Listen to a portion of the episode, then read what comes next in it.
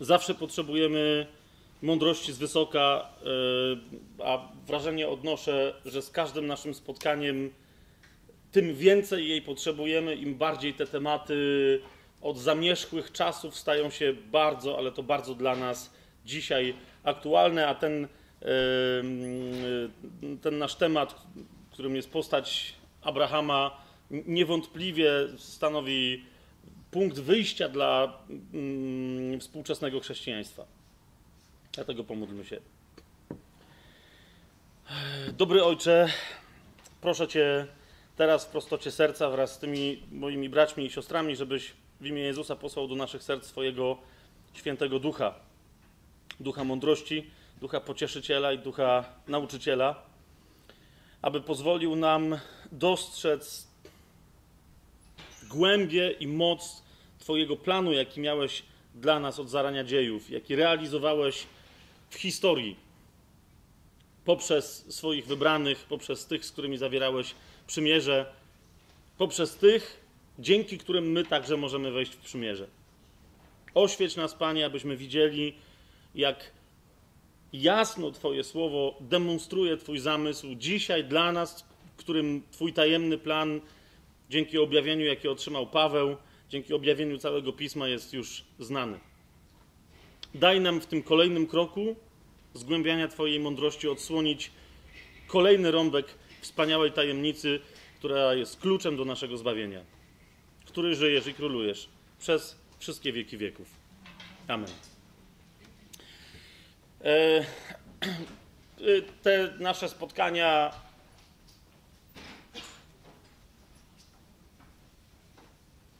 wspaniałe, bo, bo są głoszeniem słowa na żywo, wspaniałe, bo są słuchaniem słucha, słowa na żywo, jednocześnie e, dzięki temu, że, że są nagrywane, trafiają potem przez YouTube'a, przez jakieś tam inne media do, do kolejnych słuchaczy. Z pewnym opóźnieniem, więc nie wiem, jak ostatecznie e, to dzisiejsze nasze spotkanie, ten dzisiejszy wykład będzie e, nazwany, ale gdyby to dzisiaj ode mnie zależało, bo nie wiadomo, co będzie później, jak Bóg zechce, ale gdyby to dzisiaj ode mnie zależało, to powiedziałbym, ten temat musi być podwójny. Z jednej bowiem strony, chronologicznie idąc e, w historii dziejów, w historii zbawienia, e, dzisiaj, zgodnie z tym, co sobie wcześniej powiedzieliśmy, skoro skończyliśmy e, całe, całą tematykę i znaczenie wieży Babel, to dzisiaj mamy Abrama, który stał się Abrahamem. Natomiast jednocześnie, bo, bo, można sobie po prostu, wiecie, wziąć Biblię i, i, przeczytać całą historię Abrahama w Księdze Rodzaju, w Księdze Bereshit od 11 do 25 rozdziału i tyle. Nie musimy tutaj siedzieć i sobie razem wspólnie tego czytać. Każde sięgnięcie do początków i do całej historii zbawienia E, do poszczególnych fragmentów Biblii, co będziemy cały czas w programie tajemnego planu robić, jednocześnie odnosimy do, do nas dzisiaj. Dlaczego to dzisiaj ma znaczenie i, i jakiego rodzaju ma znaczenie? A zatem, gdybym miał dziś nadać tytuł tej, e, temu wykładowi, to brzmiałby on Abraham, oczywiście, ale zaraz za nim dwukropek, najważniejsza debata chrześcijaństwa. Nie mówię, że Abraham jest najważniejszym tematem w chrześcijaństwie. Tak? Tego nie powiedziałem. Mówię tylko, że zdecydowanie w pewnym momencie dziejów debata na, na, na, na bardzo istotne tematy, wręcz zakładające chrześcijaństwo takie, jakiego my dzisiaj doświadczamy, oparła się prawie że całkowicie na historii Abrahama, na na tym, czego on dokonał, na tym, kim był i na tym, jakie decyzje podjął. Zresztą nie tylko debata chrześcijaństwa, ponieważ ta debata wyniknęła z uprzedniej debaty judaizmu. Okay? Abraham jest tak ważny, że wielu wyznawców judaizmu nazywało siebie nasieniem abrahamowym, czy też potomstwem Abrahamowym. Tak? Samo stwierdzenie, stwierdzenie to jedno, ale udowodnienie, że się jest potomkiem Abrahamowym, wręcz w rozumieniu wielu e, tych, którzy mogli to udowodnić, że są Abrahamowym potomkiem, prawie że równało się byciu zbawionym. Rozumiecie?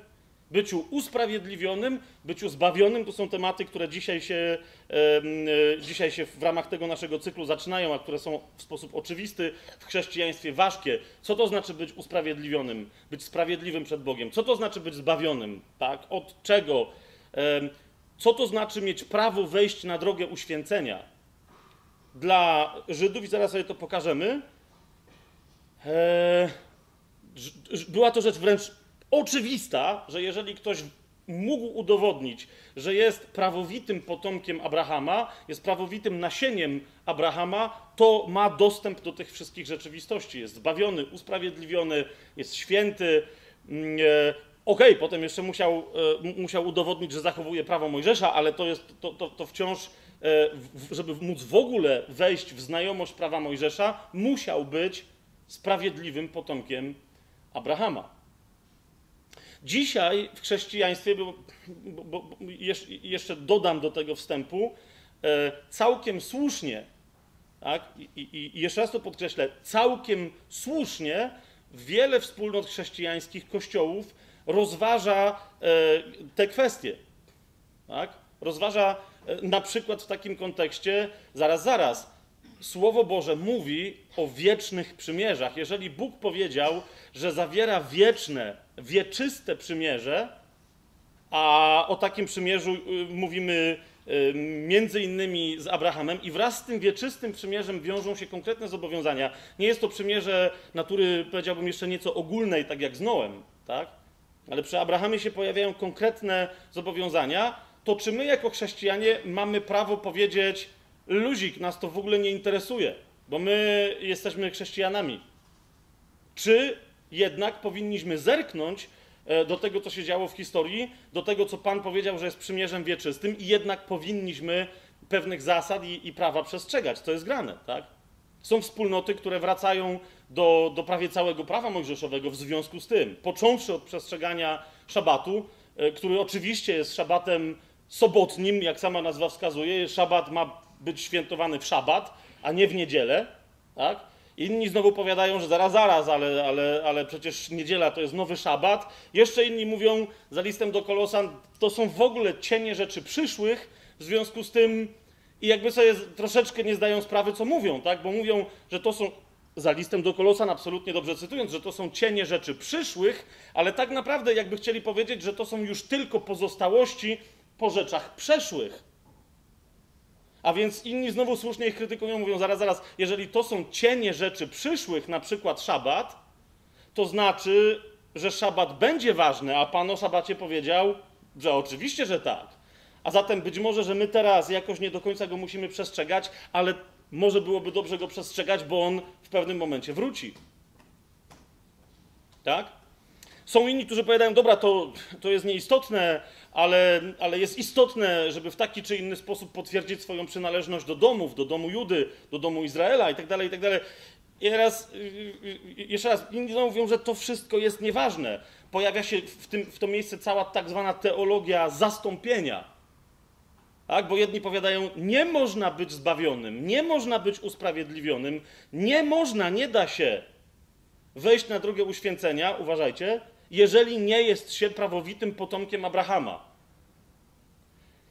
Prawda jest taka, że w historii różnych teologii w Kościele, w całym protestantyzmie, w katolicyzmie i prawosławiu, gdzie nie sięgniecie, w zasadzie nikomu nie udało się tej tezy, którą przed chwilą postawiłem, zakwestionować, Jedyne, co się w związku z tym udało zrobić, to jest przeniesienie i zastąpienie.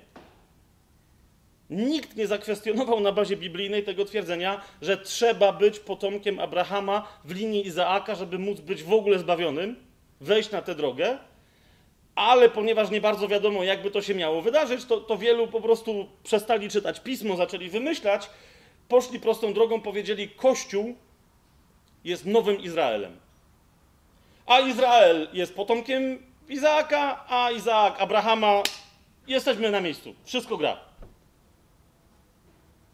Trudno się dziwić Żydom, którzy zrobili właśnie taką minę i powiedzieli: Co?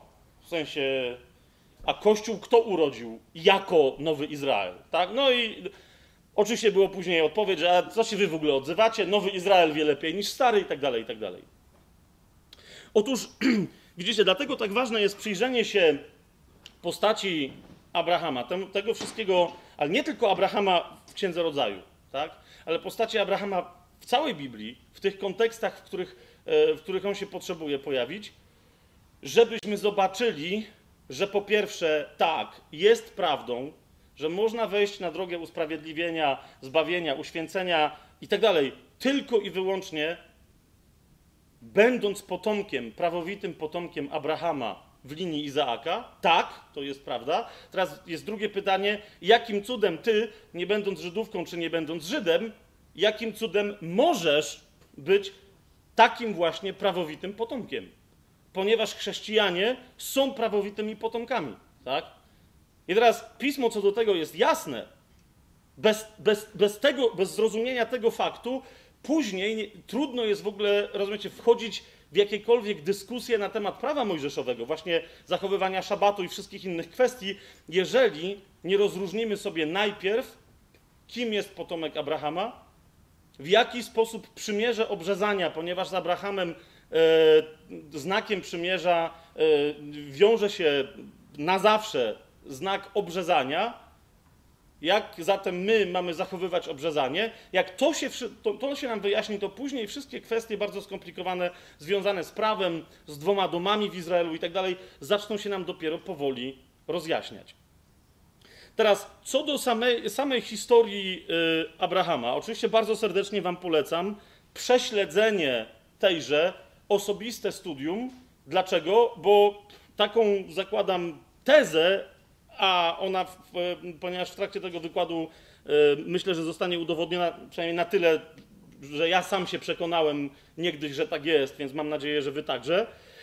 A, ale polecam wam, bo my tylko w, w, tym kontekście będziemy Abrahama dzisiaj zgłębiać, a ja wam polecam y, z księgi Bereshit całą jego historię, bo tam znajdziecie mnóstwo dodatkowych informacji, dodatkowych smaków, y, ekstra wiedzy, która jeżeli jesteś, a jesteś, będąc chrześcijaninem czy chrześcijanką, jeżeli jesteś córką w odległości albo synem Abrahama, to chyba dobrze byłoby znać tego swojego pradziadka, który jest tak bardzo istotny dla tego, kim ty dzisiaj jesteś i dla twojej tożsamości.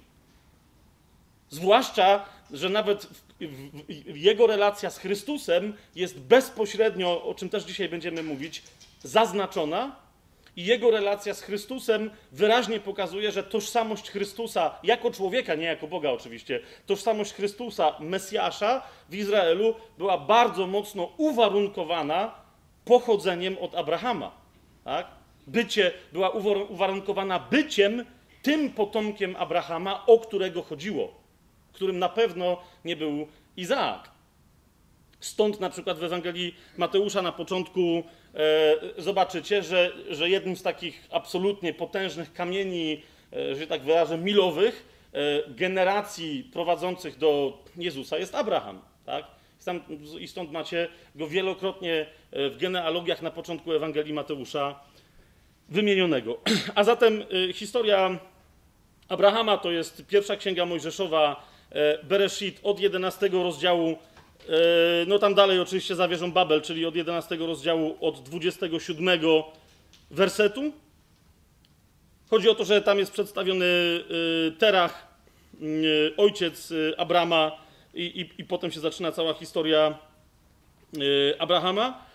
A ciągnie się ta historia w, tej takim, w tym takim podstawowym zrębie do 25 rozdziału pierwszej Księgi Mojżeszowej, do tych wspaniałych słów, ja teraz, ja nie lubię takich, ja w ogóle nie lubię takich słów jak wspaniały, tak?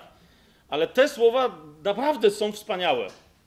E, chciałbym, żeby o mnie tak po mojej śmierci ktoś mógł z całą stanowczością, spokojem, że, że mówi prawdę, powiedzieć. Jak sobie otworzycie 25 rozdział od siódmego wersetu, to o to mi chodzi.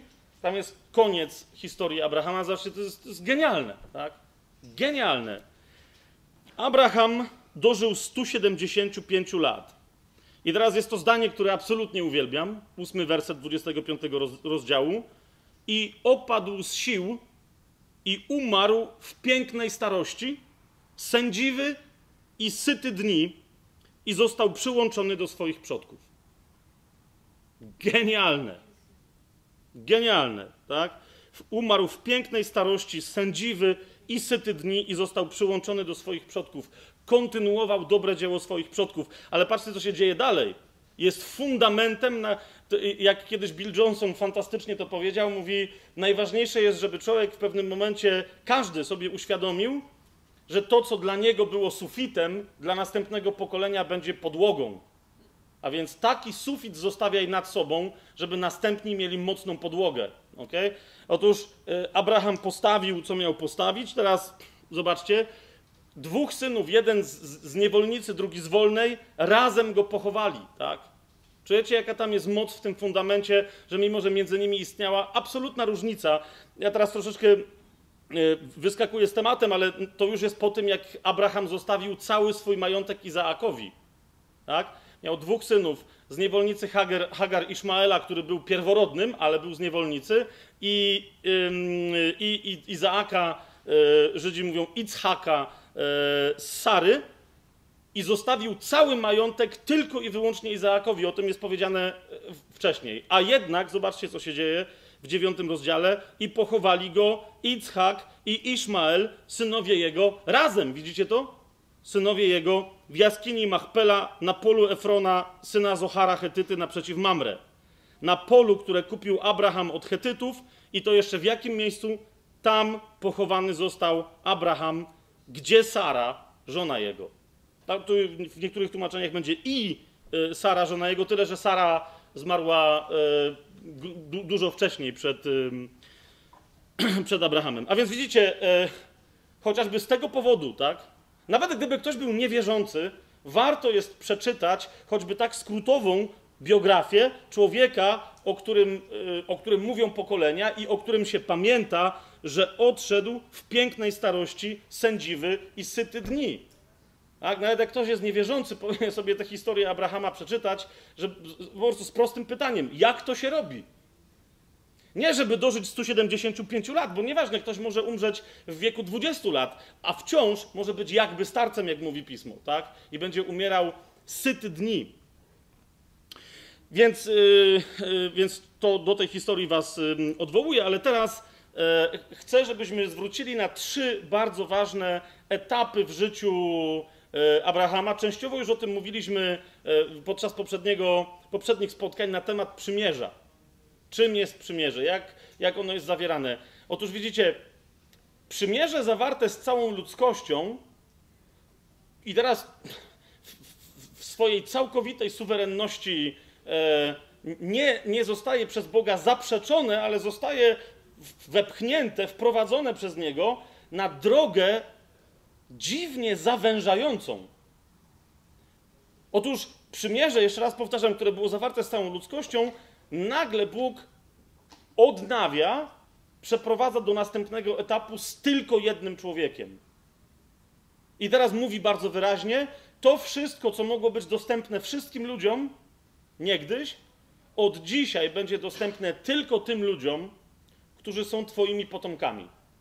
Teraz tak to rozumieli przez, przez, przez wiele mm, setek leci yy, Żydzi.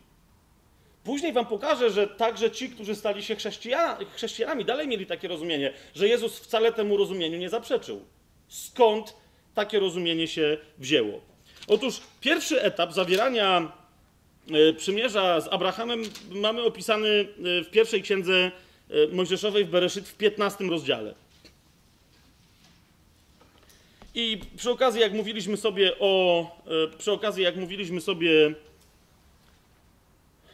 o przymierzach, to już ten 15 rozdział wam cytowałem, głównie ze względu na formę tego zawarcia przymierza. Że tam pamiętacie, Abraham rozcina zwierzęta e, e, i połówki tych porozcinanych zwierząt kładzie naprzeciwko siebie, pomiędzy nimi tworzy tunel, odpędza ptaki, które tam przylatują, żeby, mm, żeby tą padlinę jeść, aż do momentu, kiedy, kiedy pojawia się Pan w nocy, pojawia się pochodnia Boża i przechodzi ogień e, pomiędzy tymi połówkami, przymierze jest zawarte. Natomiast, yy, natomiast o, o, co w ogóle chodzi z tym przymierzem, od czego ono się zaczęło? W pewnym sensie wygląda na to, że, e, że to Abraham, jeszcze wtedy będąc Abramem, e, będąc bogatym człowiekiem, a więc gościem, który na Bliskim Wschodzie musiał się dobrze znać na, na handlu, na sprzedaży i na negocjacjach. To widać między innymi w jego negocjacjach z Bogiem później, e, kiedy aniołowie Boże idą do Sodomy i do Gomory E, jak to pamiętacie, żeby, to, znaczy Bóg mówi, że ukaże te miasta, a Abraham zaczyna się targować z Bogiem i mówi, ale to tak pójdziesz i tak zniszczysz, a jakby było 50 sprawiedliwych, to byś zniszczył? I Bóg mówi, no to bym nie zniszczył. Okej, okay, idzie dalej, a Abraham biegnie za nim i mówi, dobra, a mówi, a co to za różnica dla ciebie, przecież jesteś Bogiem, a jakby było 40 i tak dalej, i tak dalej. Jak pamiętacie, staje więc na 10 sprawiedliwych, że gdyby było 10 sprawiedliwych, to więc targuje się z Bogiem. I teraz to pierwsze przymierze w pewnym sensie też z takiej postawy Abrahama wynika. Zobaczcie, co się dzieje.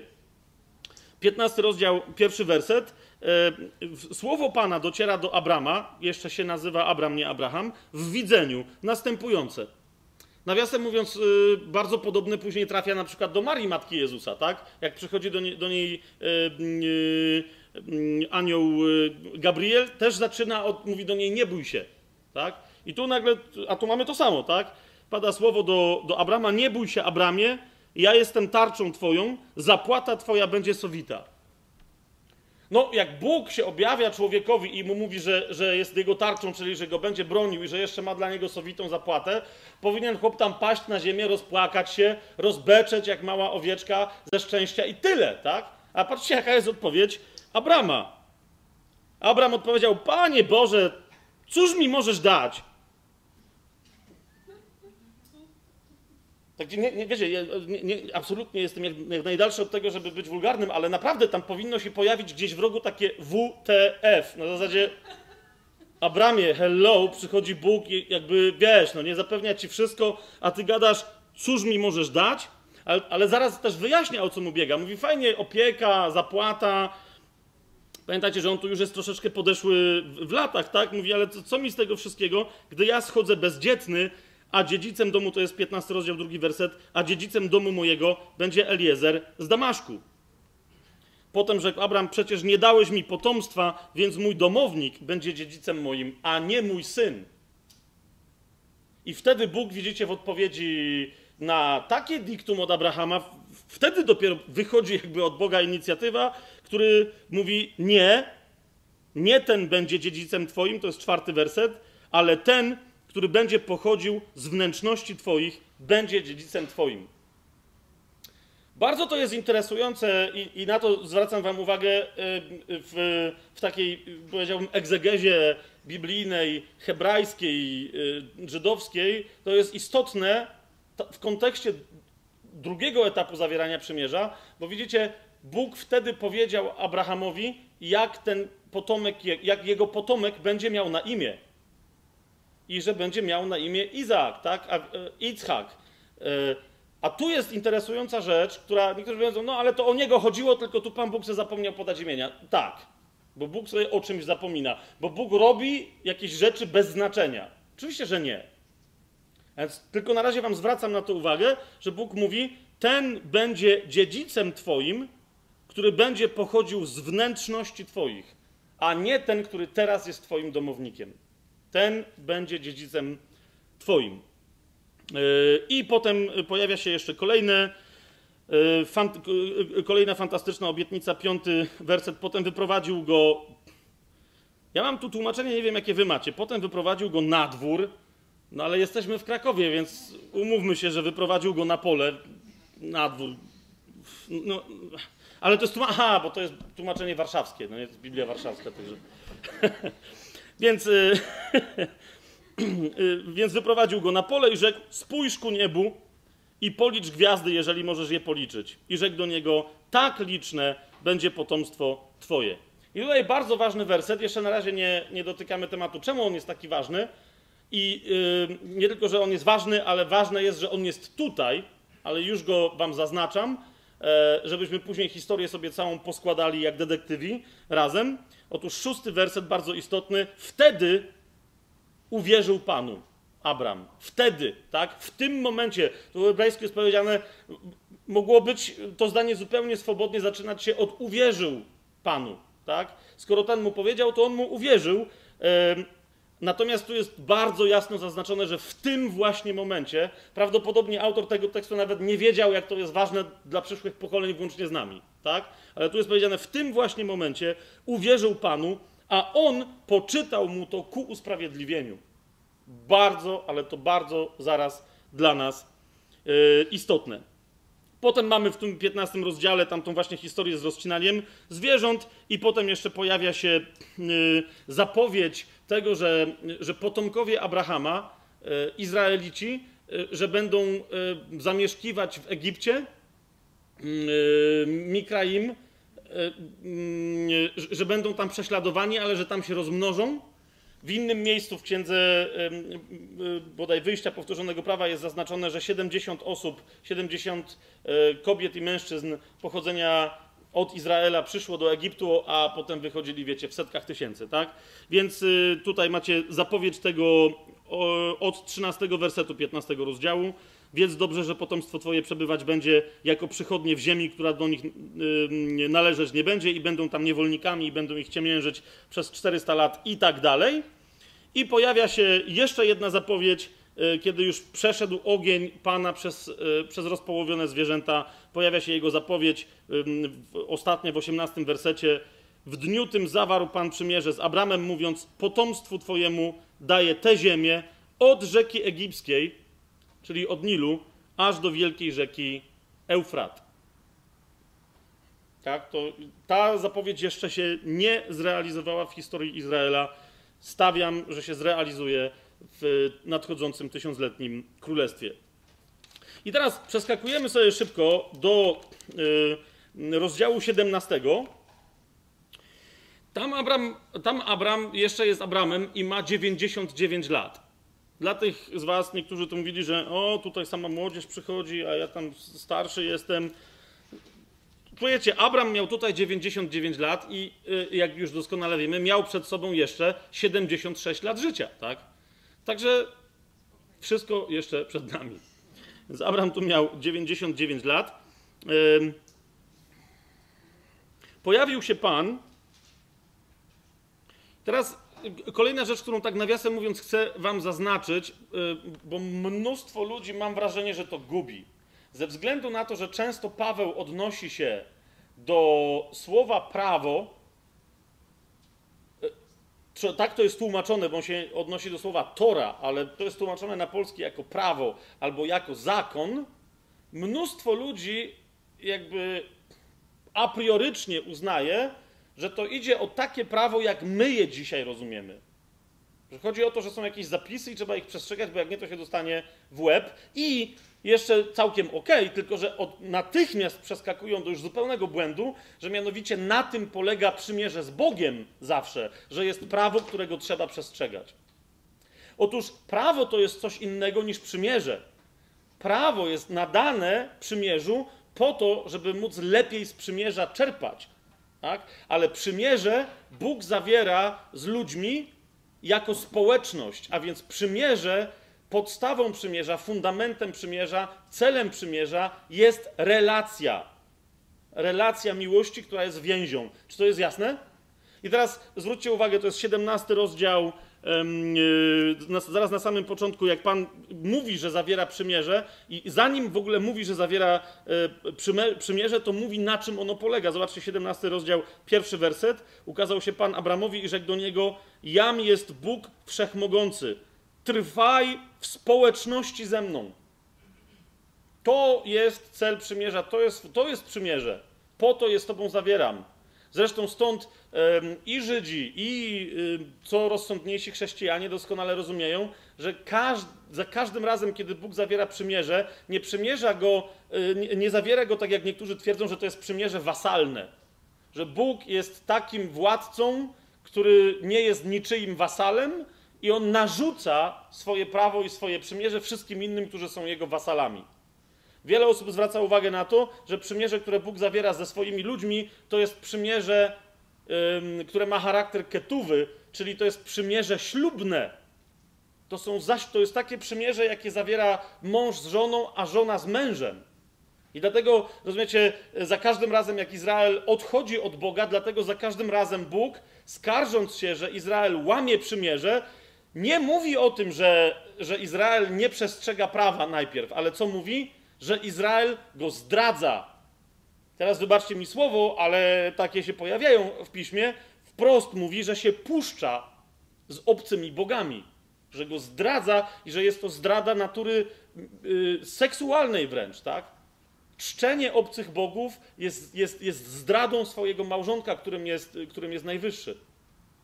A więc tu o, tu o tego rodzaju wręcz społeczność chodzi, o tego rodzaju więź e, z, z najwyższym, tak?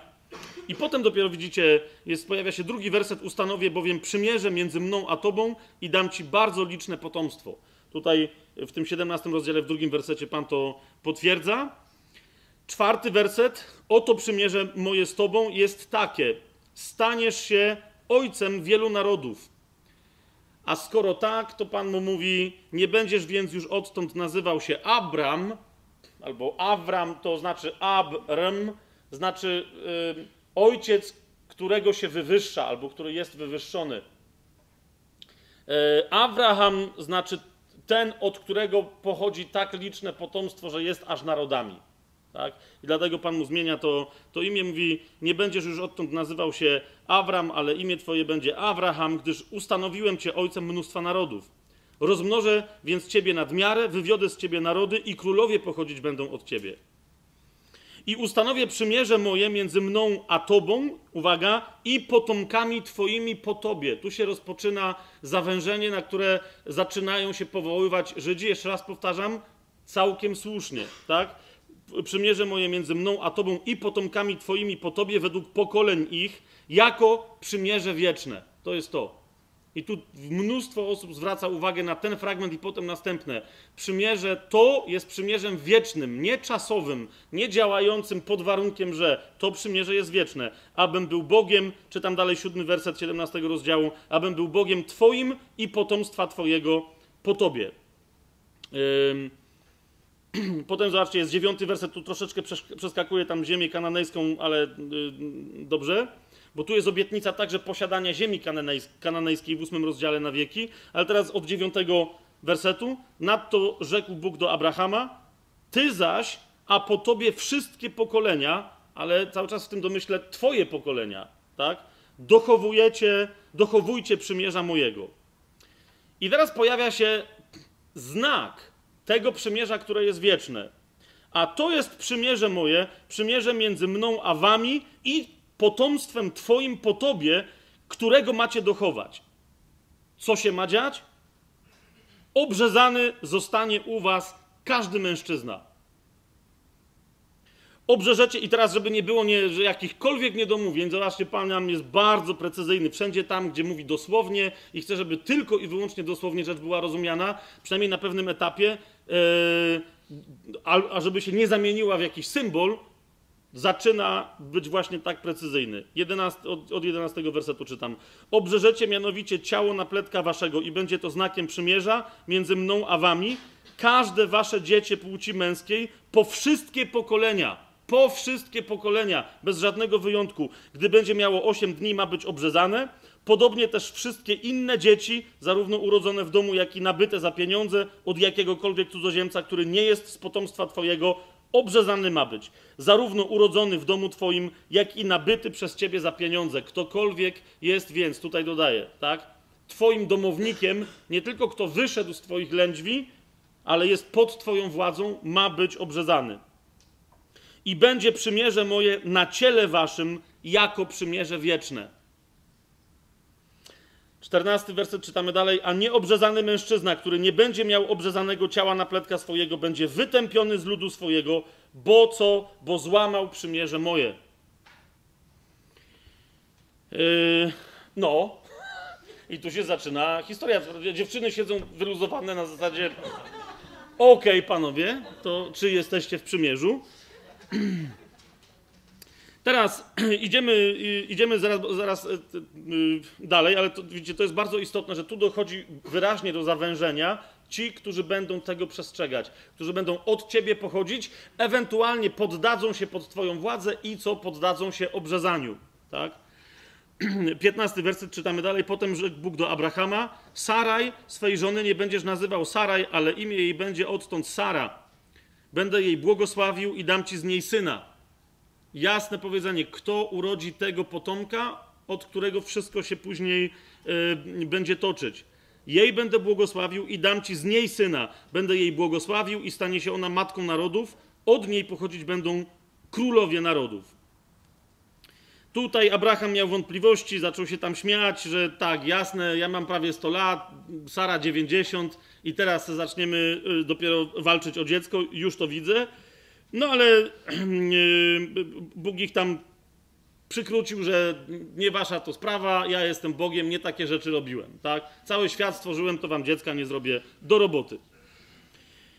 Yy, Abraham tam miał zwątpienie, mówi, żeby tylko Ismael, który już był na świecie, yy, ten syn, którego miał z Hagar, to jest w 18 yy, wersecie, oby tylko Ismael pozostał przy życiu przed Twoim obliczem. Bóg jeszcze raz, zobaczcie, 19 werset mówi mu wyraźnie: Nie, ale żona Twoja Sara urodzi Ci syna, a więc nie, nie chodzi tu absolutnie o Ismaela, Ismaela z Hagar, który, tak dodaję od razu między nami mówiąc, bo nie będziemy teraz dzisiaj tego tematu w ogóle rozwijać, ale jest, jest potomkiem wszystkich Arabów. Tak? Więc rozumiecie e, pewien zatarg między, e, między tymi, którzy są potomkami Abrahama, ale potem potomkami Ismaela, czyli Arabami, a wszystkimi Żydami, którzy są potomkami Abrahama przez Izaaka. Tak? Więc tutaj jest nie, ale żona twoja Sara urodzi ci syna i nazwiesz go imieniem Itzhak, a ja ustanowię przymierze moje z nim jako przymierze wieczne dla jego potomstwa po nim. Widzicie, nie tylko Pan zawiera wieczne przymierze z Abrahamem, ale mówi: Zawrę takie samo kontynuację tego przymierza, wieczne przymierze z Twoim synem Itzhakiem i tylko z nim i z tymi, którzy po nim będą. Wiadomo, jego synem jest Izrael i potem po nim e, e, 12 pokoleń e, Izraela. Co wie, I teraz jeszcze bardzo, kolej, bardzo istotna kolejna rzecz, zwróćcie uwagę, że tu się pojawia imię tego syna. Tak? Sara urodzi syna i on będzie miał na imię Itzhak. Bóg mu to mówi wcześniej. Co do Ismaela, wysłuchałem cię, pobłogosławię mu i rozplenię go i rozmnożę go nad miarę. Zrodzi on dwunastu książąt i uczynię z niego naród wielki, to jest dwudziesty werset. I jeszcze raz jest powiedziane, ale przymierze moje ustanowię z Icakiem, którego urodzi ci Sara o tym samym czasie w roku następnym. Widzicie to? Bardzo, bardzo jasno stwierdzone. I teraz y, jeszcze szybko chciałbym, żebyśmy przeskoczyli do rozdziału 22. Już nie będziemy tam czytać całości. To jest to straszliwe wydarzenie, y, krótko tylko skomentowane y, na początku 22 rozdziału, to jest 22 rozdział, pierwszy werset. Po tych wydarzeniach, tam było sporo wydarzeń, nie będziemy sobie teraz opowiadać, co się tam działo, ale tam jest napisane, po tych wydarzeniach wystawił Bóg Abrahama na próbę. Wszystkie jakieś takie, wiecie, próby humanistycznego rozwiązania sprawy, że jakieś nieporozumienie się pojawiło, że Abraham czegoś tam nie zrozumiał od Boga i tak dalej. Nie. Bóg wystawił Abrahama na próbę. W jaki sposób? Zobaczcie, 22 rozdział, drugi werset, mówiąc do niego: weź syna swojego, jedynaka swojego, Itzhaka. I teraz pamiętacie, co jest grane, tak? Wcześniej było powiedziane, że przez niego i tylko przez niego pójdzie cała linia błogosławieństwa, on będzie następnym, z którym Pan zawrze wieczne przymierze. Tak? Było to wyraźnie powiedziane. Abraham musi, musiał, to pamię- musiał o tym pamiętać, albo nie, a więc próba tyczyła się, czy ty pamiętasz, jakie przymierze już zawarliśmy, ale po drugie, próba jest jeszcze głębsza. Co do niego mówi? Weź syna swojego, jedynaka swojego Icaka, którego miłujesz, żeby jeszcze dołożyć do pieca, się dowiadujemy, że bo wiecie, jakby Abraham miał syna, żeby mu nie zależało, to, ale on go bardzo kochał. Icaka, którego miłujesz, udaj się z nim do kraju Moria i złóż go tam w ofierze całopalnej na jednej z gór, o której ci powiem. Taka jest historia. Tak? Abraham y, temat, y, jak widzimy, podejmuje, ale próba jest znacznie bardziej złożona niż tutaj z tej historii wynika. Przy okazji historii samego Ichaka, Izaaka, jako, jako pierwszej tak genialnej y, figury Chrystusa, to sobie będziemy mówić, jak do Niego dojdziemy, ale zwracam już teraz Wam po, po raz kolejny uwagę, że, że Bóg wskazuje Abrahamowi miejsce na rzekomą ofiarę Izaaka, tak, bo on wcale nie chce, żeby Izaak zginął, tak, ale wskazuje mu miejsce, którym jest pagórek Moria, to jest dokładnie to samo miejsce, na którym następnie, e, to, to po prostu, to jest Golgota, to jest Kalwaria, tak, i mówię, jak będzie tam czas, to później wam pokażę, skąd my to wiemy na podstawie Biblii, nie tam jakiejś archeologii, chociaż to też, ale, ale skąd my wiemy, że, e, że Golgota to jest Moria, tak, ale to wiemy, Teraz Abraham tam ma złożyć ofiarę z Izaaka i teraz zwróćcie uwagę, yy, co się dzieje w 22 rozdziale, w 7 wersecie tutaj tej księgi Bereshit. Rzekł Izaak do ojca swojego Abrahama tak, ojcze mój, ten odpowiedział, oto jestem synu mój. Yy, jak pamiętacie rozmowy Jezusa ze swoim ojcem, to brzmi trochę podobnie, tak? Ten mu rzekł, oto ogień i drwa, a gdzie jest baranek na całopalenie? gdzie jest baranek do złożenia na ofiarę i, i pyta go o to na górze Moria, tak? Tam, gdzie następnie Jezus, baranek zabity od początku za grzechy całego świata, swoje życie odda, złoży swoją ofiarę, tak? I ten się go pyta, gdzie jest baranek na całopalenie, na ofiarę całopalną? Abraham odpowiedział, zobaczcie, tak? Abraham odpowiedział, ósmy werset, Bóg upatrzy sobie baranka na ofiarę całopalną, synu mój. Tak? Bóg upatrzy sobie baranka. E, nie powinniśmy zatem być zdziwieni, że jak sobie cofniecie się do 20 rozdziału tejże księgi, w której się teraz znajdujemy, tam Abraham y, historie dziwne uprawia, między innymi się nie chce przyznać w obcym kraju do tego, że jego żona jest jego żoną i mówi, że jest jego siostrą, y, co nawiasem mówiąc jest też prawdą, więc tam jest dosyć skomplikowana historia, ale przy tej okazji na, naprawdę, i to, i to nie jest jeden raz. Abraham tak wie, więcej razy robi, no nie? I za każdym razem mu się jakoś tam. Znaczy, za każdym razem, jak tak robi, zamiast wkurzyć tych gości, to jeszcze takich przestrasza, że mu dają stada, pieniądze i tam wszystko naraz i mówią, że w ogóle co ty robisz, stary, byś, byś nas wkopał w niezłe kłopoty. Ale Bóg bardzo ciekawą. Um, bardzo ciekawe świadectwo wydaje na temat tego, kim jest Abraham. Zobaczcie, w 20 rozdziale, w 7 wersecie.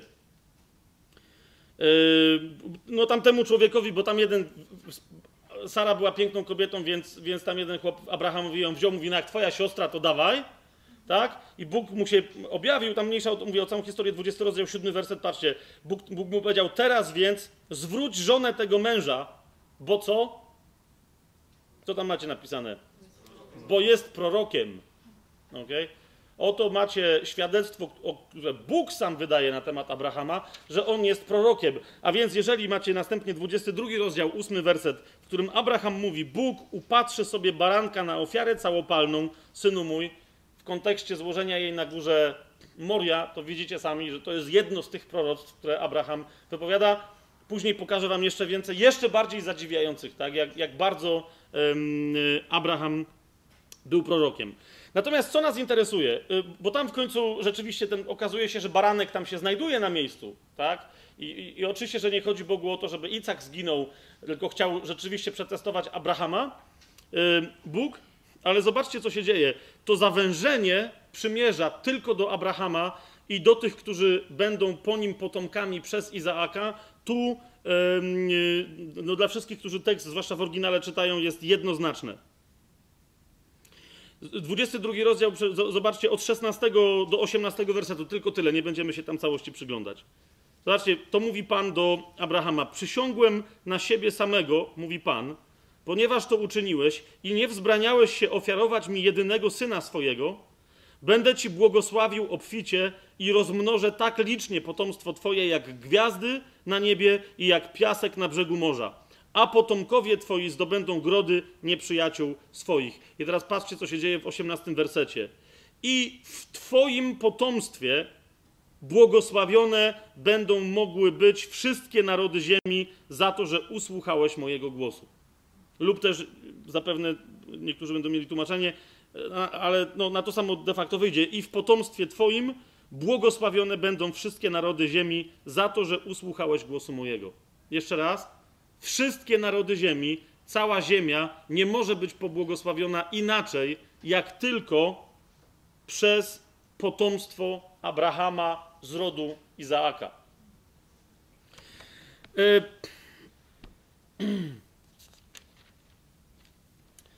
Dlaczego tak mówimy? To jeszcze tylko jeden werset sobie, y, y, póki jesteśmy tutaj w tej księdze, to jeszcze jeden werset sobie zobaczmy. 21 rozdział, 12 werset. Tam jest historia już Icek żyje, ale Ishmael, który jest starszy, zaczyna się stawiać Icakowi i wtedy Sara mówi Abrahamowi, żeby wywalił Hagar z, z tym jej bękartem, bo ona ich tu nie chce, bo, bo ich nie szanują.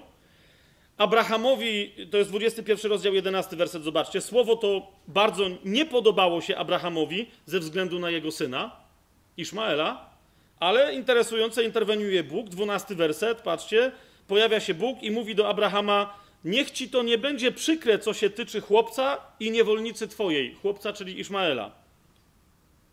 Cokolwiek ci powie Sara, posłuchaj jej, gdyż tylko od Izaaka nazwane będzie potomstwo twoje. Jasne to jest?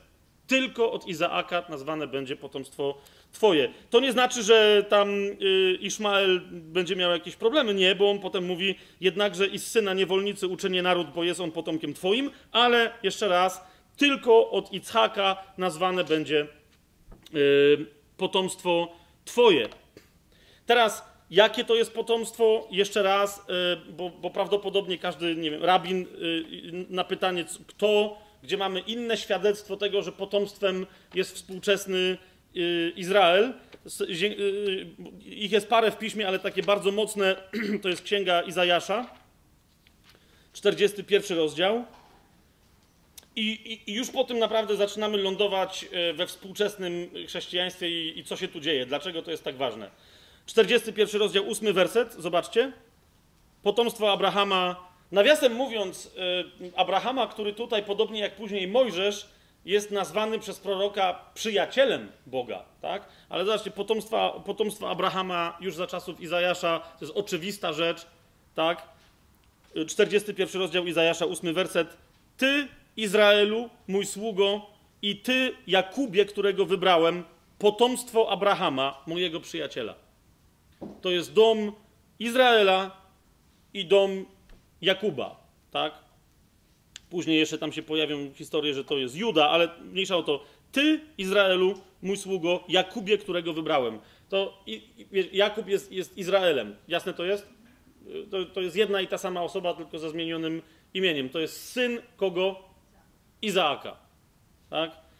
To jest potomstwo Abrahama, mojego przyjaciela. To mówi Pan przez proroka, przez proroka Izajasza.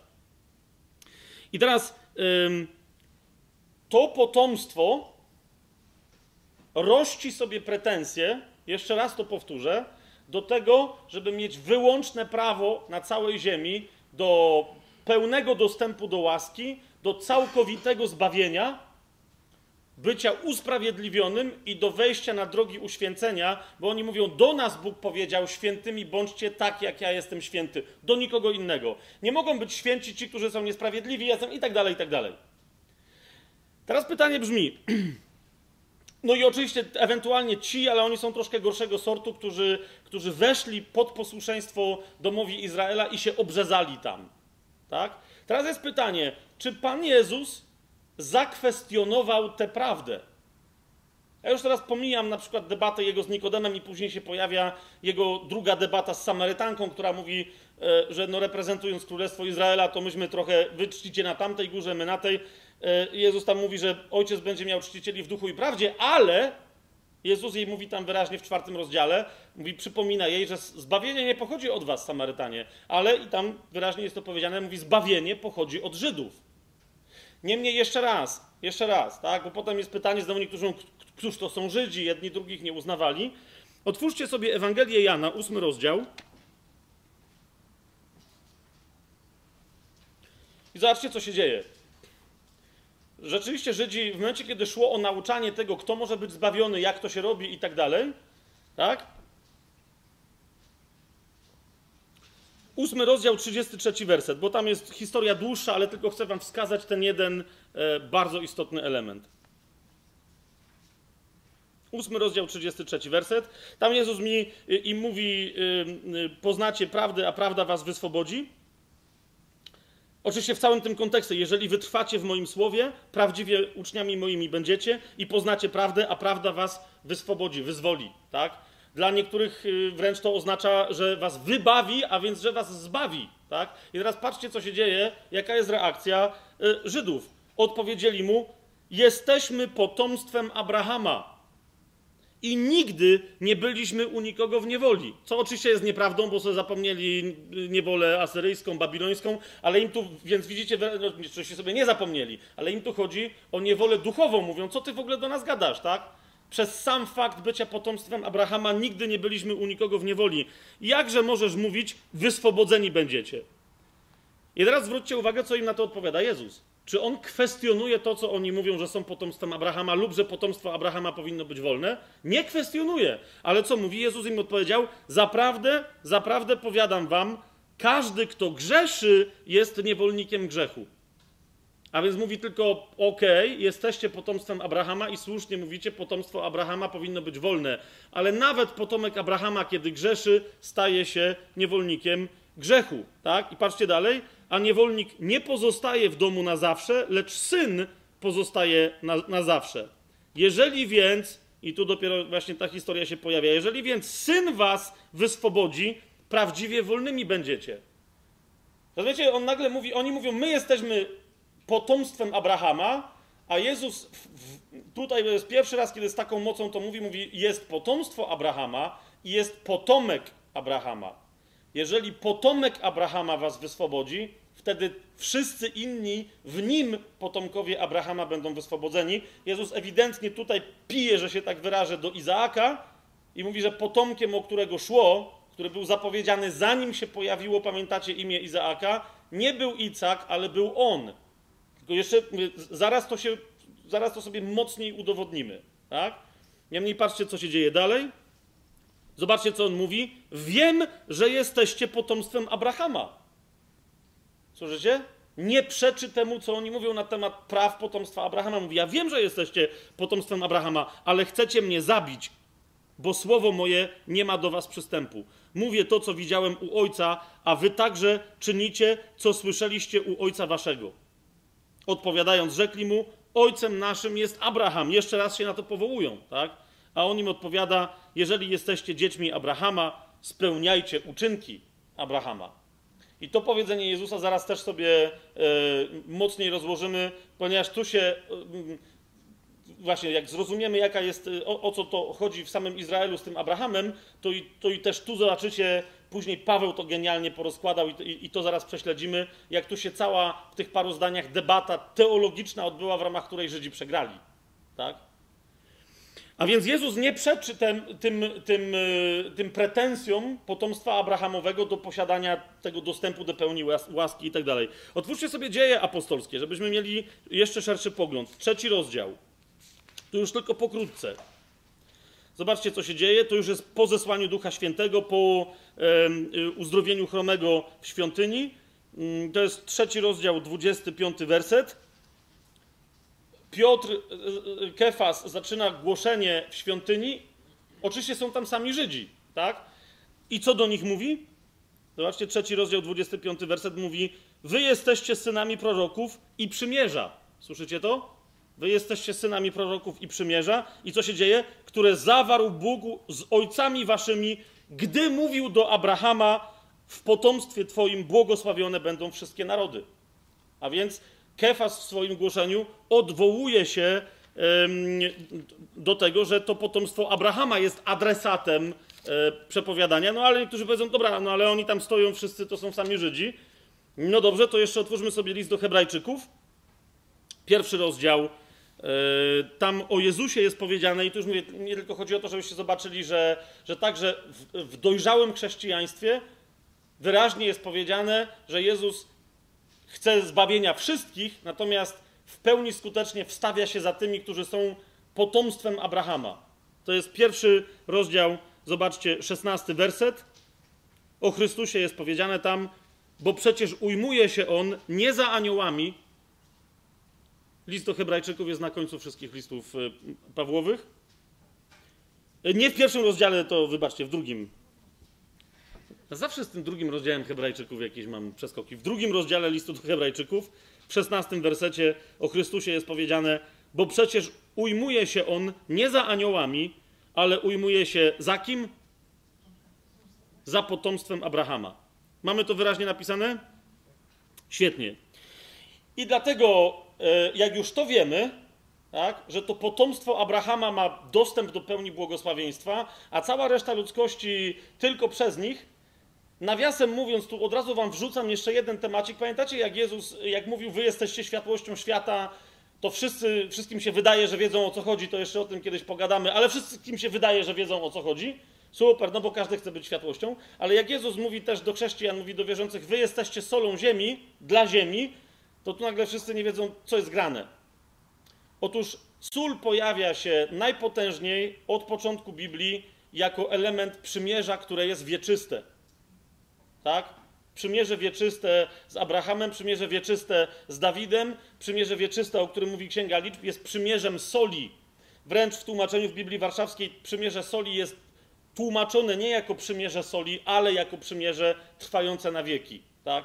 Tylko mówię, do tego jeszcze później, jeszcze później sobie przyjdziemy. Na początku chrześcijaństwa wszyscy chrześcijanie byli Żydami. Pamiętacie, ostatnio żeśmy o tym mówili, że w Antiochii pojawili się poganie. Pamiętacie, tam Paweł z Barnabą mocno działali, pojawili się poganie. I teraz co się dzieje? Żeby wam pokazać, że naprawdę problem był istotny, otwórzcie sobie 15 rozdział dziejów apostolskich. Zobaczycie, że dla Żydów, którzy byli wierzący, było niemożliwością, żeby ktoś był zbawiony, jeżeli nie przyjmie wieczystego przymierza Abrahama wraz ze znakiem obrzezania i później, jeżeli nie przyjdzie, przyjmie prawa Mojżesza. Dosłownie. Tak? Yy, więc nie traktujcie dzisiaj także tego jako rzecz oczywistą, także wobec innych wierzących, a zwłaszcza niewierzących, tak? Że my tu teraz chrześcijanie, dlatego właśnie masa ludzi nam zarzuca, chrześcijanom, że wymyśliliśmy sobie nową religię. Jeżeli, jeżeli chrześcijaństwo jak, dzięki jakiemuś cudowi albo planowi Bożemu nie jest potomstwem Abrahama, to rzeczywiście jest tylko nową religią i się niczym nie różni od całej masy innych religii dziadostw. Tak? Jeżeli natomiast jest w potomstwie Abrahama, to wtedy rzeczywiście wszystkie obietnice ubłogosławienia, w sensie usprawiedliwienia, zbawienia, ubłogosławienia, drogie świętości, wszystkie są słuszne. Pytanie tylko brzmi, jakim cudem w związku z tym my nie mamy obrzezania i prawa mojżeszowego. Tak? Zobaczcie, 15 rozdział y, Dziejów Apostolskich, pierwszy werset. To jest, y, widzicie, to jest po 14 rozdziale, który tam pokazuje mm, Antiochię. Tak? I teraz mamy co? Pewni ludzie, którzy przybyli z Judei, nauczali braci. Zobaczcie, to jest powiedziane w jednym zdaniu wszystko. Jeżeli nie zostaliście obrzezani według zwyczaju mojżeszowego, nie możecie być zbawieni. Oczywiście zwyczaj mojżeszowy jest kontynuacją Abrahama, więc jest, ale to się od tego zaczęło, tak? Jak możecie zachowywać prawo, jeżeli nie macie, y, jeżeli nie macie y, obrzezania?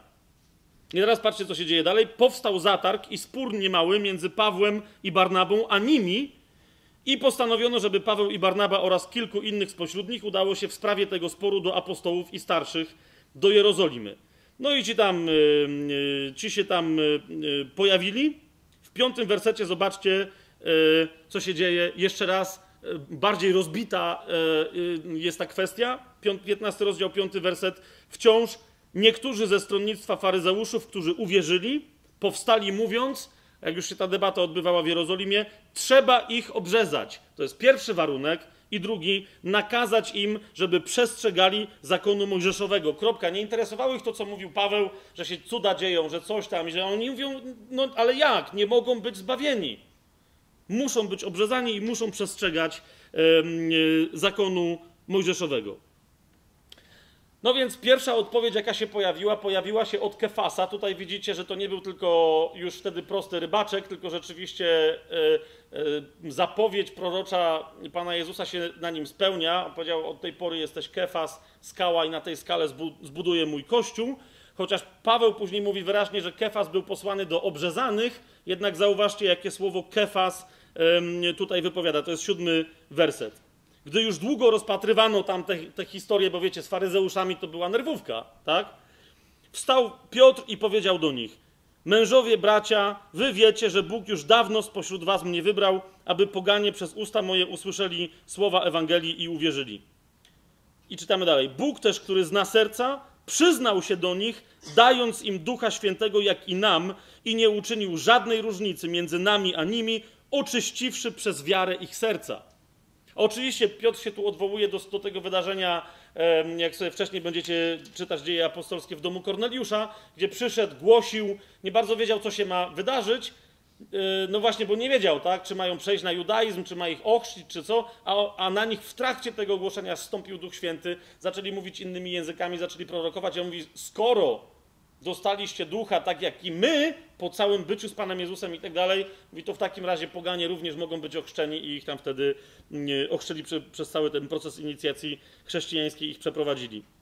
Więc mamy tu 15 rozdział, 9 werset. Nie uczynił żadnej różnicy między nami a nimi, oczyściwszy przez wiarę ich serca. I 10 werset. Przeto teraz, dlaczego wyzywacie Boga, wkładając na kark uczniów jarzmo, którego ani ojcowie nasi, ani my nie mogliśmy unieść. To jest to, jest to co stwierdza, e, to jest to, co stwierdza Piotr. Mówi, nie wiem, nie znam się na historiach, nie potrafię wam tego ze słowa wyłożyć, ale Bóg swoją ręką i swoim cudem udowodnił, że nie trzeba mieć Abrahamowej obrzeski, nie trzeba być sprawiedliwym wobec mojżeszowego prawa, żeby otrzymać wypełnienie obietnicy wszystkich proroków i potem Jakub jeszcze w, dalszym części, w dalszej części tego dyskursu wstaje mm, i to potwierdza. Niemniej wciąż, yy, no wiecie, oni powiedzieli, no Bóg tak zrobił, tak? Więc my nie wiemy za bardzo jakim cudem, co się tu dzieje, ale chyba oni też są jakoś, nie, może, może nie potomstwem Abrahamowym, ale to może nie tylko dla potomstwa Abrahamowego E, są obietnice. W każdym razie dają im jakieś takie połowiczne e, rozwiązanie. Zobaczcie sobie dalej w 15 rozdziale 28 werset e, do 31.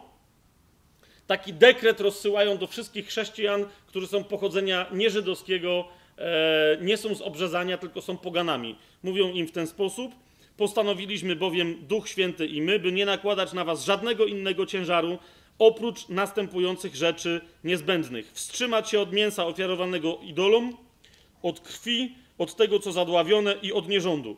Jeśli się tych rzeczy wystrzegać będziecie, dobrze uczynicie, bywajcie zdrowi. No i ci ruszyli i y, poganom innym powiedzieli: Spoko jeża, nie musicie się obrzezywać, nie musicie, wystarczy, że te, y, że te zasady będziecie, y, będziecie stosować. Zwróćcie uwagę, że sam Paweł dokonuje tego rozróżnienia e, jeszcze trosz, że tak powiem, wkrótce po, e, po tym tak zwanym Soborze Jerozolimskim. Zobaczcie sobie 16 rozdział, wersety 1-4. Dlaczego? Bo niektórzy mówią, że Paweł natomiast niby było tak, ale on był wściekły. No nie, ponieważ po tym orzeczeniu Paweł sam dokonuje obrzezania. On się w pewnym momencie, znaczy nie na sobie, bo on już dawno był obrzezany, tak? Jako faryzeusz, ale patrzcie, co się dzieje. 16 rozdział od pierwszego wersetu. Dotarł też do Derbe i do Listry, a był tam pewien uczeń imieniem Tymoteusz, syn Żydówki, która była wierząca, ale i ojca Greka. I teraz co się dzieje? Bracia z Listry i Ikonium wystawili mu dobre świadectwo. Paweł chciał, aby ten udał się z nim w drogę, to też wziąwszy go, patrzcie co się dzieje, obrzezał ze względu na Żydów, którzy mieszkali w owych okolicach. Wszyscy bowiem wiedzieli, że jego ojciec był Grekiem.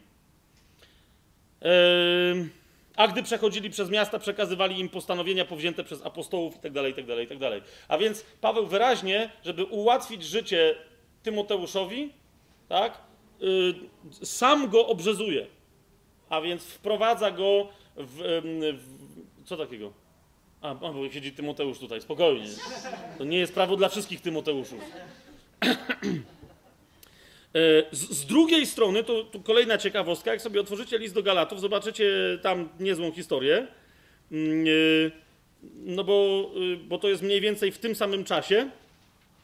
Opisuje Paweł swoją obecność w Jerozolimie wtedy, kiedy tam trwała walka o to, czy tych pogan obrzezywać, czy nie. I teraz widzicie, po tej historii obrzezał Tymoteusza, tak? Mówi, skoro jesteś z Żydówki e, pół Żydem, no okej, okay, to zróbmy z ciebie Żyda, a, a zwłaszcza, że tam, gdzie miał Tymoteusz głosić jak sobie zobaczycie listy do Tymoteusza, miał tam wielu Żydów, a więc ułatwiło mu tu, on był młodym człowiekiem i to ułatwi, nadało mu autorytetu, ale patrzcie, co się dzieje, będąc jeszcze w Jerozolimie, innego zawodnika obronił przed obrzezaniem, tak?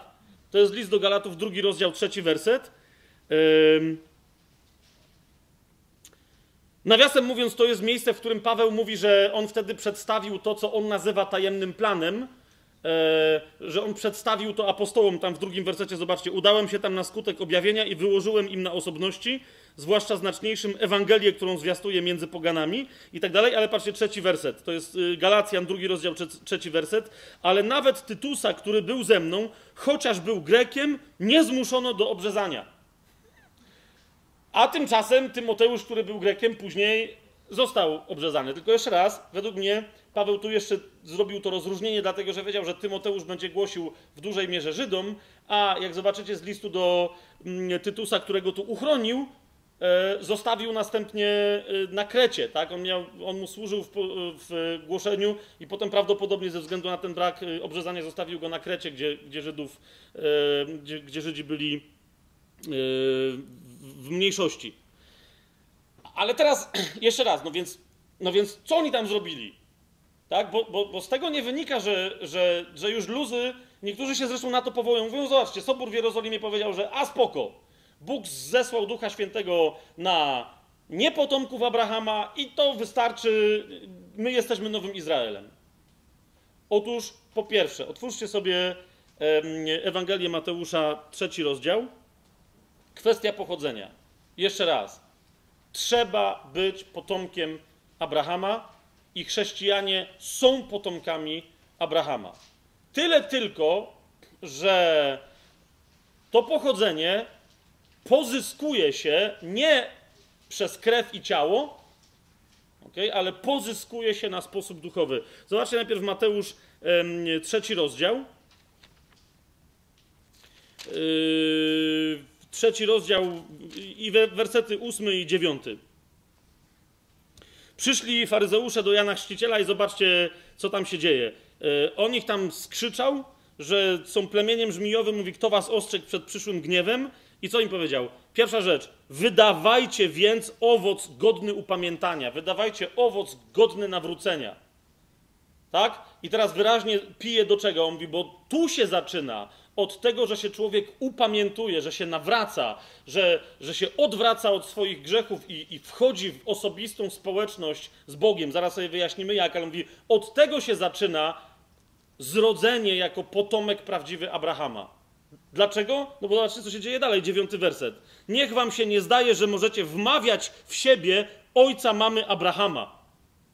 Widzicie? To jeszcze zanim Jezus powiedział, a oto potem dyskurs cały szedł z nimi, tak? To już Jan y, Chrzciciel wyraźnie powiedział: Niech się wam nie zdaje, że możecie wmawiać w siebie ojca mamy Abrahama. Dlaczego? Powiadam wam bowiem, że Bóg może z tych kamieni wzbudzić dzieci Abrahamowi. Jeżeli Bóg z kamieni może wzbudzić dzieci Abrahamowi, to, że się tak wyrażę, tym bardziej z pogan. Jasne to jest? Ale prześledźmy ten dyskurs jeszcze dalej. Patrzcie, co jest grane. Wróćmy do listu do Galacjan. To już nie do opowieści, co się działo na Soborze Jerozolimskim, tylko do bardzo istotnego, no powiedziałbym, jest brzydkie słowo, ale trzeba się nim czasem posłużyć, doktrynalnego wręcz stwierdzenia. Jak sobie otworzycie y, list do Galacjan, trzeci rozdział.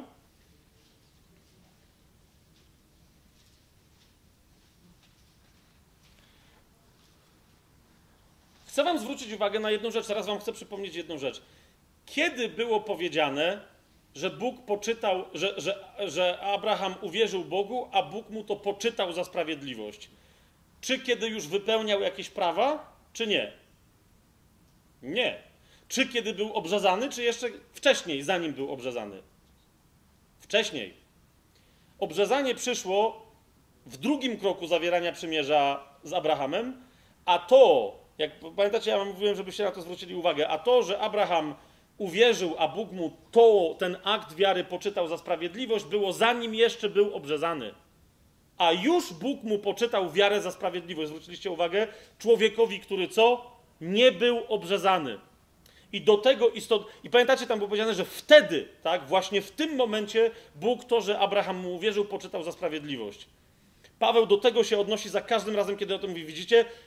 Autor tam był natchniony, Duch Boży mu podpowiedział, dlaczego on napisał, że właśnie w tym momencie, właśnie żeby wam łosie obrzezane pokazać, że Abraham został uznany za sprawiedliwego, zanim jeszcze był obrzezany, a więc może usprawiedliwienie przyjść do nieobrzezanego.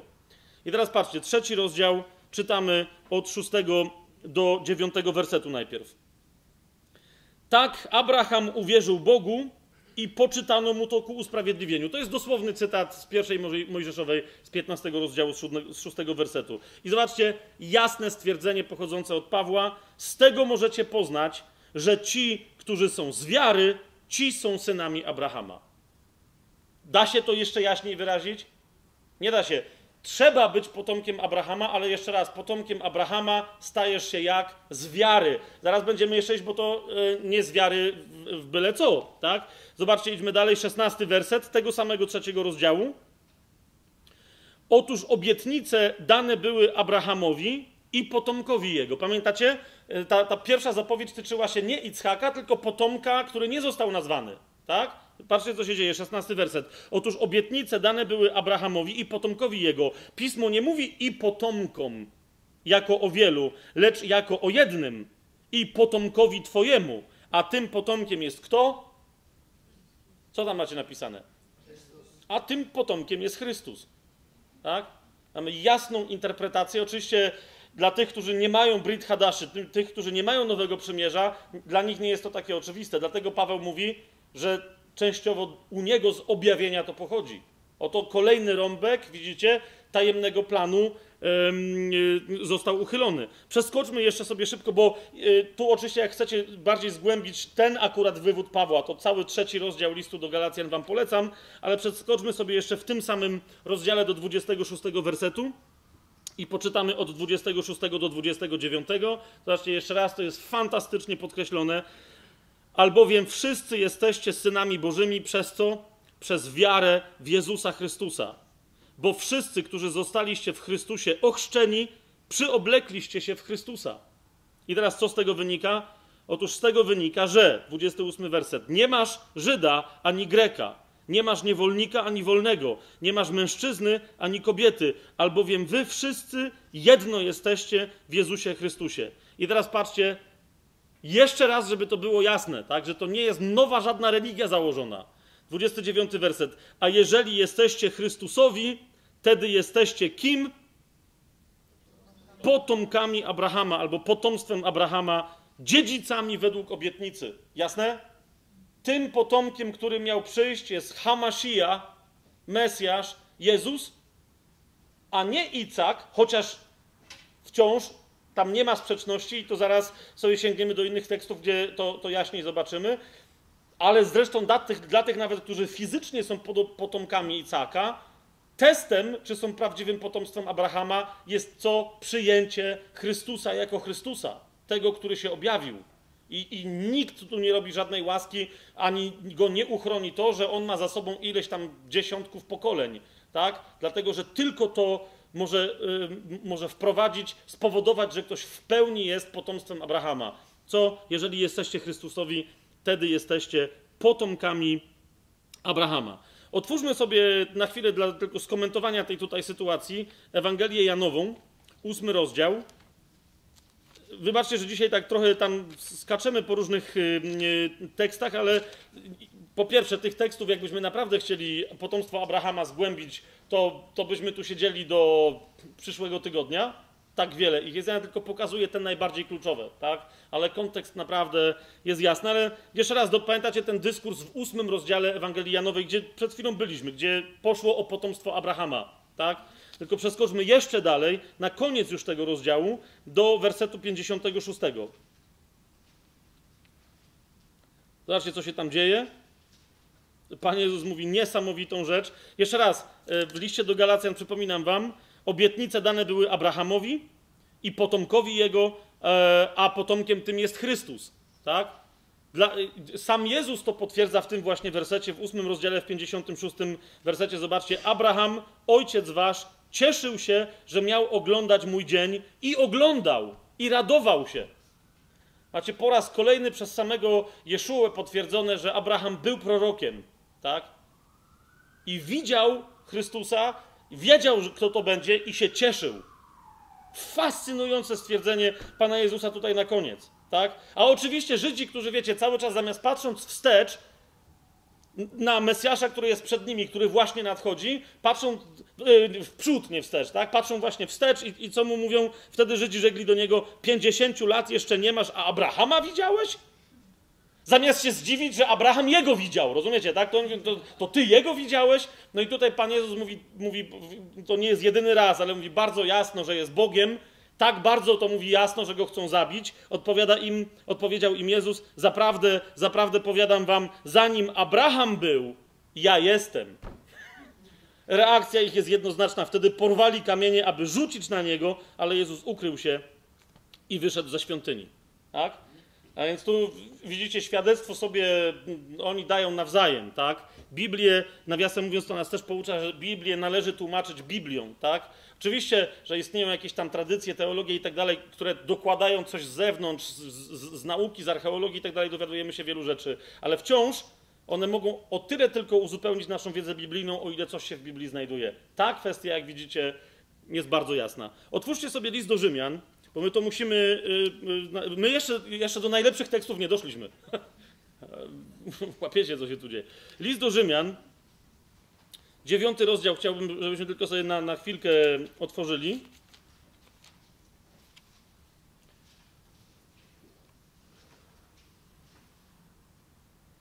E, to, to nie tylko potwierdza nam, kto jest potomstwem Abrahama z tych, którzy nie są Żydami z pochodzenia etnicznego, ale też jednocześnie jest tekst, który tym, którzy etnicznie są Żydami, przypomina, że hej, hej, nie bazujcie tylko i wyłącznie na swoim fizycznym pochodzeniu. Zobaczcie, dziewiąty rozdział, wersety od szóstego do ósmego.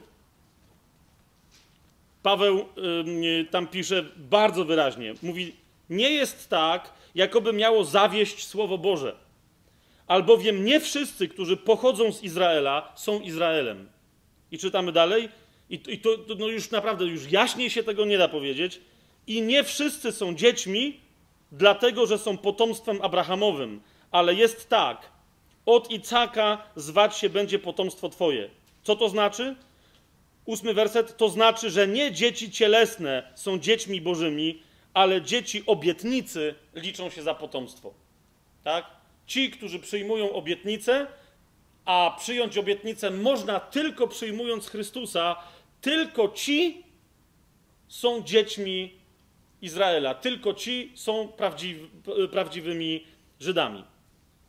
Teraz niektórzy powiedzą, no to dobra, fajnie, ale czy czasem nie trzeba przyjąć tego duchowego dziedzictwa, czy w duchowy sposób tego pochodzenia od Abrahama i Izaaka i Jakuba, czy nie trzeba go, aby jednak przyjąć przy pomocy znaku, który został dany i, który, i, i, i przy którym się pojawiła, e, pojawiło to kluczowe hasło przymierze wieczyste, czyli czy nie trzeba przyjąć obrzezania? Najpierw, i to jest też niezwykle istotne, tak? Bo, bo, widzicie, jeżeli sobie wyjaśnimy, czy trzeba przyjąć obrzezanie, czy nie, to później podobna zasada będzie się tyczyła też pytań, czy mamy obchodzić szabat, kiedy mamy i tak dalej, i tak dalej. Wszystkich, może nie wszystkich, ale wielu innych kwestii. A więc najpierw piątą Mojżeszową, jakbyście sobie otworzyli, piątą księgę Mojżeszową, e, czyli powtórzonego prawa albo deuteronomium, jak tam możecie mieć te różne nazwy. Najpierw 29 y, rozdział. Jak, y, jak słyszycie, księga się nazywa Księgą Powtórzonego Prawa, a więc no, tam jest prawo, które zostało powtórzone. Tak? Przy okazji akt przymierza Boga ze swoim ludem, z potomkami Abrahama, y, Izaaka i Jakuba, Bóg tam przymierze odnawia. Teraz zobaczcie, co się tutaj dzieje w 29 rozdziale, w 9 wersecie. Z kim Bóg tam odnawia przymierze? I to już chodzi, wie, wiecie, tam już jest tak, że mamy kontekst prawa mojżeszowego. Tak? Z kim Bóg od, odnawia to przymierze? Piąta Mojżeszowa, 29 rozdział, 9 werset. Stanęliście dzisiaj wszyscy przed Panem, Bogiem waszym, naczelnicy waszych plemion, wasi starsi i wasi nadzorcy, wszyscy mężowie izraelscy, wasze dzieci, wasze żony i twój obcy przybysz, który jest w twoim obozie, od tego, który drwa rąbie, aż do tego, który wodę czerpie. aby pod przysięgą wejść w przymierze z Panem Bogiem Twoim, jakie Pan Bóg Twój dziś z Tobą zawiera. Aby dzisiaj ustanowić Cię swoim ludem, a On będzie Twoim Bogiem, jak obiecał i jak przysiągł Twoim ojcom, Abrahamowi, Izaakowi i Jakubowi. I teraz patrzcie, trzynasty werset. Co się tu dzieje? Ale nie tylko z Wami zawieram to przymierze obwarowane przysięgą, lecz także z tymi, z tym, który jest tutaj dziś z nami przed Panem Bogiem naszym oraz z tym, którego nie ma tu dzisiaj z nami. Wiecie, co jest grane? Wielu komentatorów e, z, z judaizmu pochodzących w ogóle tu pomija kwestię jakiegokolwiek odniesienia się do, czy aby to, co, co, te, te prawa, które my sobie rościmy do bycia potomstwem Abrahamowym, tak, przez Jezusa, czy, czy tutaj kto to jest ten dodatkowo, bo widzicie, tu jest wyraźnie, są wszyscy wymienieni, tak? Mężczyźni, kobiety, obcy, tak? I jest jeszcze powiedziane, że jest nie tylko z wami, ale jest także ten, który jest tutaj dzisiaj z nami przed Panem. Niektórzy mówią, no dobra, to chodzi o, to, o tych, którzy tu są. No to niech będzie, tak? Ale również Bóg zawiera to przymierze z tym, którego tutaj dzisiaj z nami nie ma. Tak?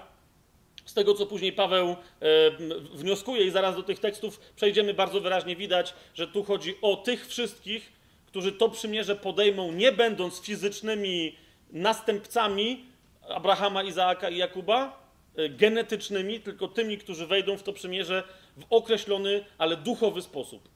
Tak? Niemniej, patrzcie, co się, co się tutaj dzieje. Dalej, 30 rozdział, yy, szósty werset. Bo przy okazji tego właśnie odnowienia przymierza i tej zapowiedzi, że, że wejdą w to przymierze także ci, których tu nie ma, tak? i którzy nie, nie będą stąd fizycznie pochodzić, pojawia się bardzo dziwne, bardzo dziwna zapowiedź.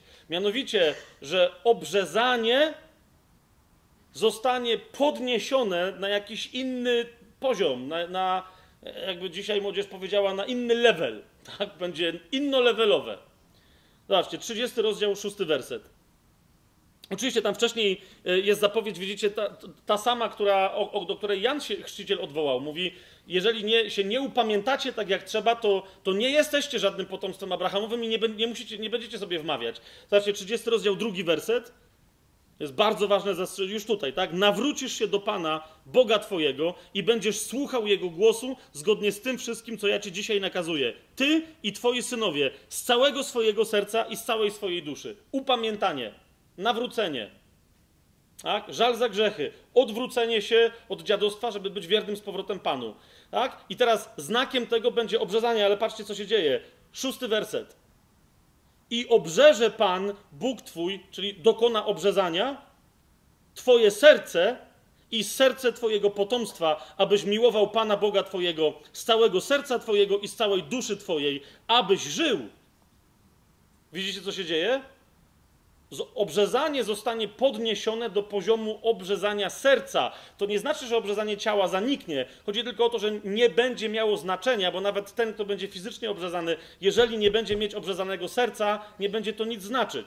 I teraz jeszcze na jedną rzecz Wam zwrócę uwagę, bo za chwilę mm, to, nawet jeżeli teraz nie do końca będzie zrozumiałe, to za chwilę będzie niezwykle istotne. Jeszcze raz macie w ósmym wersecie, widzicie, Ty zaś nawrócisz się i będziesz słuchał głosu Pana, uszy i spełniał wszystkie jego przykazania, które ja ci dzisiaj nadaję. Ale popatrzcie sobie w tym 30 rozdziale 5 księgi Mojżeszowej na wersety 11-14. To będzie w przyszłości, Pan zapowiada. To będzie w przyszłości, tak? I mówi, wszystkie te przykazania, które teraz macie, on, on mówi, tak naprawdę sprowadzają się do jednego. I teraz do, do, do jednego nowego przykazania tak, do jednego nowego aktu. Patrzcie tutaj, yy, jaka następuje zapowiedź. To przykazanie bowiem, które ja ci dzisiaj nadaję, nie jest dla ciebie ani za trudne, ani za dalekie. I czytamy dalej, aż do 14 wersetu. Nie jest ono na niebie, aby trzeba było mówić, kto nam wstąpi do nieba i do nas je sprowadzi i nam je oznajmi, abyśmy je spełniali. I nie jest też ono za morzem, aby trzeba było mówić, któż nam się przeprawi za morze i do nas je sprowadzi i nam je oznajmi, abyśmy je spełniali lecz bardzo blisko Ciebie jest słowo w Twoich ustach i w Twoim sercu, abyś je czynił. Niektórzy z Was prawdopodobnie już mają skojarzenie z innym fragmentem biblijnym, z Brit Hadaszy, z Nowego Przymierza, w którym ktoś inny ten fragment ostatecznie rozczytuje. Y, jeżeli nie, to za chwilę tam się przeniesiemy. Chcę Wam tylko pokazać pełny kontekst e, tego wszystkiego. Otóż otwórzcie sobie list do Rzymian, który, który jest listem do Rzymian, a co interesujące, w zasadzie więcej tam Paweł rozważa kwestii żydowskich niż rzymskich, tak? Ale y, okej. Okay. List do Rzymian sobie otwórzcie, drugi rozdział. A więc widzicie, tu była zapowiedź wyraźna e, w jednym z etapów Starego Przymierza, że prawdziwa obrzeska będzie obrzeską serca. I tylko ten, kto będzie miał obrzezane serce, będzie mógł być prawdziwym potomkiem Abrahama przez Izaka, a więc będzie mógł być prawdziwym Żydem. Zobaczcie, końcówka listu świętego Pawła do Rzymian, y, nie, nie listu, tylko drugiego rozdziału, e, wersety 27-29. Na zdrowie. Przeto ten, który cieleśnie jest nieobrzezany, a wypełnia zakon, będzie sądził ciebie, który mimo litery zakonu i obrzezania jesteś przestępcą zakonu. A więc poganin będzie sądził ciebie, yy, Żydzie. I teraz 28, 29 werset. Patrzcie. Albowiem nie ten jest Żydem, który jest nim na zewnątrz, i nie to jest obrzezanie, które jest widoczne na ciele, ale ten jest Żydem, który jest nim wewnętrznie, i to jest obrzezanie, które jest obrzezaniem serca, w duchu, a nie według litery. Taki ma chwałę nie u ludzi, lecz u Boga. Ok? I teraz yy, cały najfantastyczniejszy wykład. Ja wam w ogóle dziś poza historią Abrahama cały list do Rzymian polecam, ale zwłaszcza przestudiowanie sobie pewnych odnośników z czwartego rozdziału. Ten czwarty rozdział, dlatego o czym mówimy, jest tak istotny, że w zasadzie go sobie w całości przeczytamy. Chcę, żebyście go sobie prześledzili. Razem ze mną, tak? To jest czwarty rozdział, pierwszy werset. Cóż wtedy powiemy? Co osiągnął Abraham, praojciec nasz, według ciała? Bardzo interesujące pytanie, które jest skierowane przede wszystkim do Żydów, no bo poganie w ogóle nie mogliby go nazwać praojcem swoim, tak? Więc widzicie, to jest pytanie skierowane do Żydów. Co osiągnął Abraham, praojciec nasz, według ciała? Bo jeżeli Abraham z uczynków został usprawiedliwiony, ma się z czego chlubić, ale nie przed Bogiem.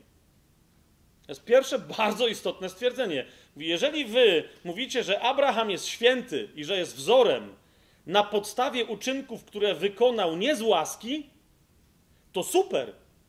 Tylko pamiętajcie, że to nie ma niczego wspólnego z Bogiem. To on się mo może popisywać, to on może się samo usprawiedliwiać, tak? Ale Bóg z tym nie ma wiele do rzeczy. Bo co mówi pismo? Uwierzył Abraham Bogu i poczytane mu to zostało za sprawiedliwość. A gdy ktoś spełnia uczynki, zapłaty za nie nie uważa się za łaskę, ale za należność. Gdy zaś ktoś nie spełnia uczynków, ale wierzy w tego, który usprawiedliwia bezbożnego, wiarę jego poczytuje mu się za sprawiedliwość. Jak i Dawid nazywa błogosławionym człowieka, któremu Bóg udziela usprawiedliwienia niezależnie od uczynków. Cały czas tutaj, kiedy Paweł mówi o uczynkach, jemu chodzi o uczynki, które są nakazane przez prawo. Jest to zrozumiałe? A więc Paweł mówi wyraźnie, jeżeli Abraham jest ojcem uczynków, nawiasem mówiąc, no już z innych tekstów też wiemy, że no nie może być ojcem uczynków, bo on jeszcze nawet obrzezany nie był, kiedy zostało powiedziane, że Bóg mu poczytał wiarę za sprawiedliwość. Tak? Więc mówi, ale gdyby tak było, łosie, bo tu naprawdę Paweł w całym liście do Rzymian widać, że naprawdę się denerwuje na Żydów, nie? On mówi, gdyby tak było, to jest żadną chwałą przed Bogiem. I nie dostał od Boga żadnej łaski, dostał tylko zapłatę za uczynki, to mu się należało. Tak? Zbawienie, usprawiedliwienie może być tylko dziełem Boga i może być tylko dziełem Jego łaski danej. Więc człowiek sobie sam nie może tego zrobić. Dlatego przychodzi przez wiarę. I tu mówi, że i Dawid też o tym wiedział. W siódmym wersecie cytuję Dawida: Błogosławieni, którym odpuszczone są nieprawości i których grzechy są zakryte, błogosławiony mąż, któremu Pan grzechu nie poczyta. I idziemy dalej. Paweł pyta: czy więc to błogosławieństwo odnosi się tylko do obrzezanych, czy też i do nieobrzezanych? Widzicie, temat powraca, powraca cały czas, ale tu jest w pełni w jednym dyskursie przez niego całkowicie rozjaśniony. O, znaczy, jak ktoś by od tego czwartego rozdziału zaczął, to nie do końca by wiedział, co jest grane, stąd był nam potrzebny cały ten dzisiejszy wstęp, tak? Czy więc to błogosławieństwo odnosi się tylko do obrzezanych, czy też i do nieobrzezanych? Mówimy bowiem, wiara została poczytana Abrahamowi za sprawiedliwość. I teraz patrzcie, jasne Pawłowe odniesienie. W jakich więc okolicznościach została poczytana? Było to po obrzezaniu, czy przed obrzezaniem? To pytanie, które ja wcześniej zadałem. Niektórzy się śmieją, że co w ogóle za głupie pytanie takie żydowskie. No ale potem Paweł, natchniony Duchem Świętym, to samo zadaje. Czy było to po obrzezaniu, czy przed obrzezaniem? Nie po obrzezaniu, ale przed obrzezaniem, mówi jakby jeszcze ktoś nie pamiętał. I otrzymał znak obrzezania, ale teraz uwaga, jako co? Jako pieczęć usprawiedliwienia z wiary, którą miał przed obrzezaniem. I teraz uważajcie, po co się to wszystko dokonało? Aby był ojcem wszystkich wierzących, nieobrzezanych i aby im to zostało poczytane za sprawiedliwość. Abraham jest ojcem wszystkich wierzących nieobrzezanych, obrzezanych też, ale jeszcze raz, zaraz do tego dojdziemy. Ani to, ani to nie będzie miało znaczenia, znaczenie będzie mieć tylko obrzezanie serca. I aby był ojcem obrzezanych, widzicie dwunasty werset, którzy nie tylko są obrzezani w sensie cielesnym, ale też wstępują w ślady wiary ojca naszego Abrahama z czasów przed obrzezaniem. Więc wyraźnie mówi: Nie jesteś Żydem? Spoko, musisz dokonać obrzeski serca. Jesteś Żydem? Też spoko, też musisz dokonać obrzeski serca. Masz wstąpić w ślady wiary Abrahama sprzed jego obrzezania. Idziemy dalej. Trzynasty werset. A nawiasem mówiąc, y, jak już tutaj jesteśmy, jak sobie otworzycie dzieje apostolskie, siódmy rozdział, to, to, to też na przykład zrozumiecie, o co tutaj chodziło pod koniec, y, tuż przed śmiercią. Szczepan, który głosi no, Żydom wtedy, tak, który głosi Ewangelię, e, on dokładnie o tym samym im mówi. Tak? On mówi, jesteście nieobrzezani, do obrzezanych, dlatego oni go kamienują. Między innymi, nie tylko dlatego, ale zobaczcie, hmm, nawiasem mówiąc, ci e, we wszystkich starych przymierzach, którzy mają nieobrzezane serce, taką tezę stawiam, potem możemy sobie o niej podyskutować przy innej okazji, ale taką tezę tutaj stawiam, że wszyscy ci, którzy mają nieobrzezane serce, wszyscy ci są nazywani w starych przymierzach ludźmi twardego karku. Tak? I, I, są teksty, które wyraźnie to pokazują, że ci, którzy nie są wsłuchani w Boży głos, a więc te wszystkie elementy, które, które, które się pojawiają u tych, którzy mają obrzezane serce, ci są nazywani ludźmi twardego karku. I teraz patrzcie, e, siódmy rozdział dziejów apostolskich, 51 werset. Co Szczepan, jak widzi już, że on głosi, a tamci go nie słuchają, Żydzi, co do nich mówi? Siódmy rozdział dziejów apostolskich, 51 werset. Ludzie twardego karku, i tu prawdopodobnie w tłumaczeniach warszawskich będziecie, w, Brytyjce będziecie mieli opornych serc i uszu, e, ale w oryginale po grecku tutaj jest ludzie twardego karku i nieobrzezanych serc i uszu. Tak? Nieobrzezane serca, nieobrzezane uszy. Bardzo istotne stwierdzenie. Wy zawsze sprzeciwiacie się Duchowi Świętemu, jak ojcowie wasi, tak i wy. Tak? Jak ojcowie wasi, tak i wy. No i potem ci się na niego. E, wy, I potem zobaczcie 53 werset. Wy, którzy otrzymaliście zakon, jak wam go dali aniołowie, a nie przestrzegaliście go i tak dalej. Oni słuchając tego wpadli w gniew. Jak on im mówi, że są nie, mają nieobrzezane serca, nieobrzezane uszy, to, to wystarczy. Idziemy, wracamy do e, e listu do Rzymian, do czwartego rozdziału, od trzynastego wersetu będziemy czytać e, dalej. Albowiem nie na podstawie zakonu była dana obietnica Abrahamowi bądź jego potomstwu, że ma być dziedzicem świata, lecz na podstawie usprawiedliwienia z wiary. Nawiasem mówiąc, widzicie E, kolejny tekst odkrywamy i jeszcze dodatkowe się historie pojawiają. Wcześniej było dziedzictwo królestwa, a tu się okazuje, że potomstwo ma być dziedzicem świata. Bardzo, bardzo interesujące. Jak przypomnicie sobie błogosławieństwa Jezusa, na przykład skazania na górze, tak? Kto odziedziczy świat, to tutaj to jest też bardzo jasne nawiązanie. I dalej czytamy, bo jeśli dziedzicami są tylko ci, którzy polegają na zakonie, wtedy wiara jest daremna i obietnica w niwecz się obróciła gdyż zakon pociąga za sobą gniew, gdzie bowiem nie ma zakonu, nie ma też przestępstwa. Przeto obietnica, 16 werset, została dana na podstawie wiary, aby była z łaski i aby była zapewniona całemu potomstwu, nie tylko temu, które polega na zakonie, ale i temu, które ma wiarę Abrahama, ojca nas wszystkich. I dla tych, i dla tych. Jak napisano, ustanowiłem cię ojcem wielu narodów, zapewniona przed Bogiem, któremu zaufał, który ożywia umarłych i który to, czego nie ma, powołuje do bytu. Dalej czytamy 18 werset. Abraham wbrew nadziei, żywiąc nadzieję, uwierzył, aby się stać ojcem wielu narodów, zgodnie z tym, co powiedziano, takie będzie potomstwo twoje. I nie zachwiał się w wierze, chociaż widział obumarłe ciało swoje, mając około stu lat, oraz obumarłe łono Sary, i nie zwątpił z niedowiarstwa w obietnicę Bożą, lecz wzmocniony wiarą dał chwałę Bogu, mając zupełną pewność, że cokolwiek on obiecał, ma moc i uczynić.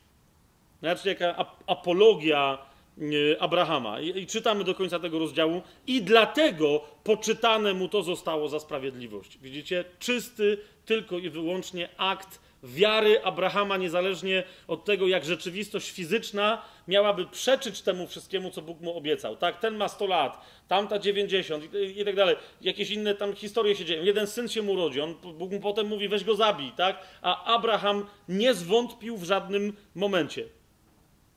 I dlatego poczytane mu to zostało za sprawiedliwość. Czwarty rozdział, 22 werset listu do Rzymian i czytamy dalej. A nie napisano tego, że mu poczytano tylko ze względu na niego, zwróćcie uwagę, ale ze względu na nas, którym ma to być poczytane i którzy wierzymy w tego, który wzbudził Jezusa, Pana naszego z martwych, który został wydany za grzechy nasze i wzbudzony z martwych dla naszego usprawiedliwienia. A więc tutaj mamy bardzo jasną historię po tym wszystkim, co już sobie, mam nadzieję, że ten rozdział po tym, co wcześniej było powiedziane, jest zasadniczo dla was zrozumiały, jest?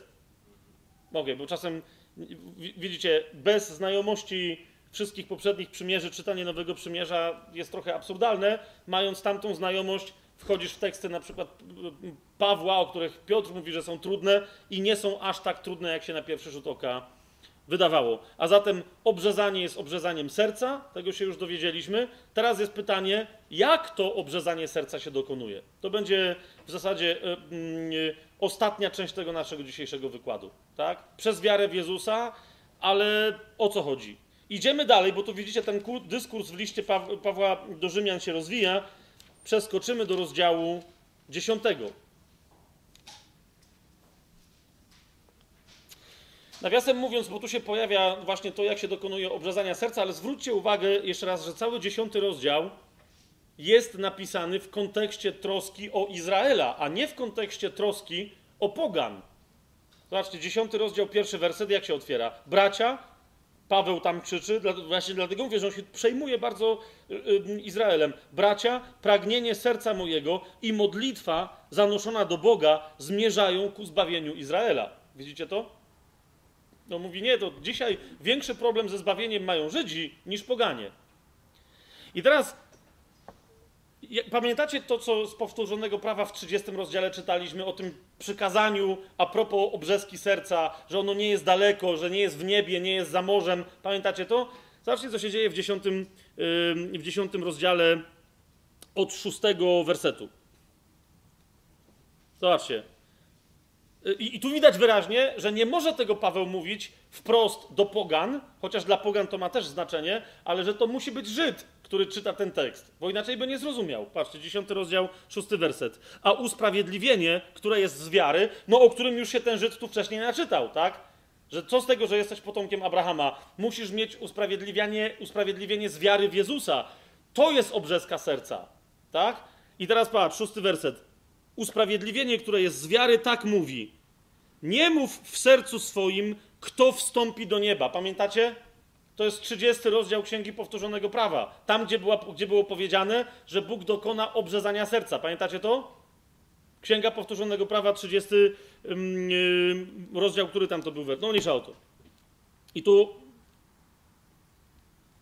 usprawiedliwienie, które jest z wiary, tak mówi. Nie mów w sercu swoim, kto wstąpi do nieba i tu Paweł dojaśnia, to znaczy, aby Mesjasza sprowadzić na dół.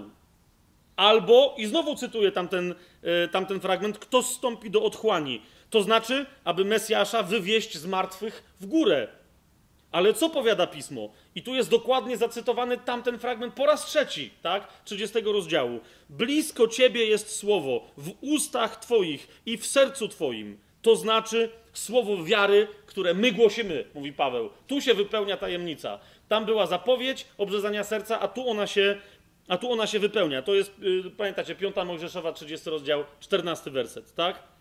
I w tym dziewiątym wersecie teraz wszystko się rozjaśnia. Tak? Mówi, tak się dokonuje obrzezania serca. Jak? Bo jeżeli ustami swoimi wyznasz, że Jezus jest Panem, a w sercu uwierzysz, że Bóg wzbudził go z martwych, będziesz zbawiony. Cała robota. Tak? Będziesz zbawiony. Dlaczego? Albowiem sercem wierzy się ku usprawiedliwieniu, a ustami wyznaje się ku zbawieniu. Usprawiedliwienie, bycie sprawiedliwym, a więc sprawiedliwym, a, a więc potomkiem Abrahama dokonuje się jak? Przez wiarę w co? W zmartwychwstanie Jezusa, w to, że Bóg swojego Mesjasza, który zginął za nasze grzechy, wzbudził z martwych zgodnie z Pismem trzeciego dnia. Jak się dokonuje wejście na drogę zbawienia przez wyznawanie ustami, że ten Jezus, którego Bóg wskrzesił z martwych, jest Panem.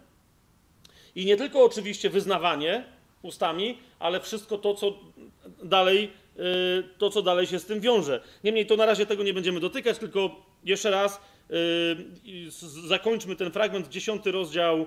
Aha, no zaraz. Albowiem powiada pismo, jedenasty werset y, tego dziesiątego rozdziału, rozdziału, każdy, kto w niego wierzy, nie będzie zawstydzony. Jest nie tylko odwołanie do powtórzonego prawa, ale do proroka Izajasza. I tu jeszcze raz widzicie potwierdzone, nie masz bowiem różnicy między Żydem a poganinem, Grekiem, gdyż jeden jest Pan wszystkich, bogaty dla wszystkich, którzy go wzywają. I przeskoczmy sobie do 17 wersetu. Wiara tedy jest ze słuchania, a słuchanie przez słowo Chrystusowe.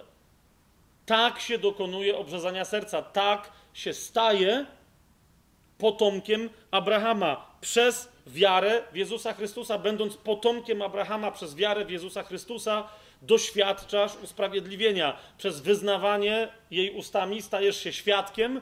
Świadek, przypominam wam po grecku martyr, a więc także męczennik.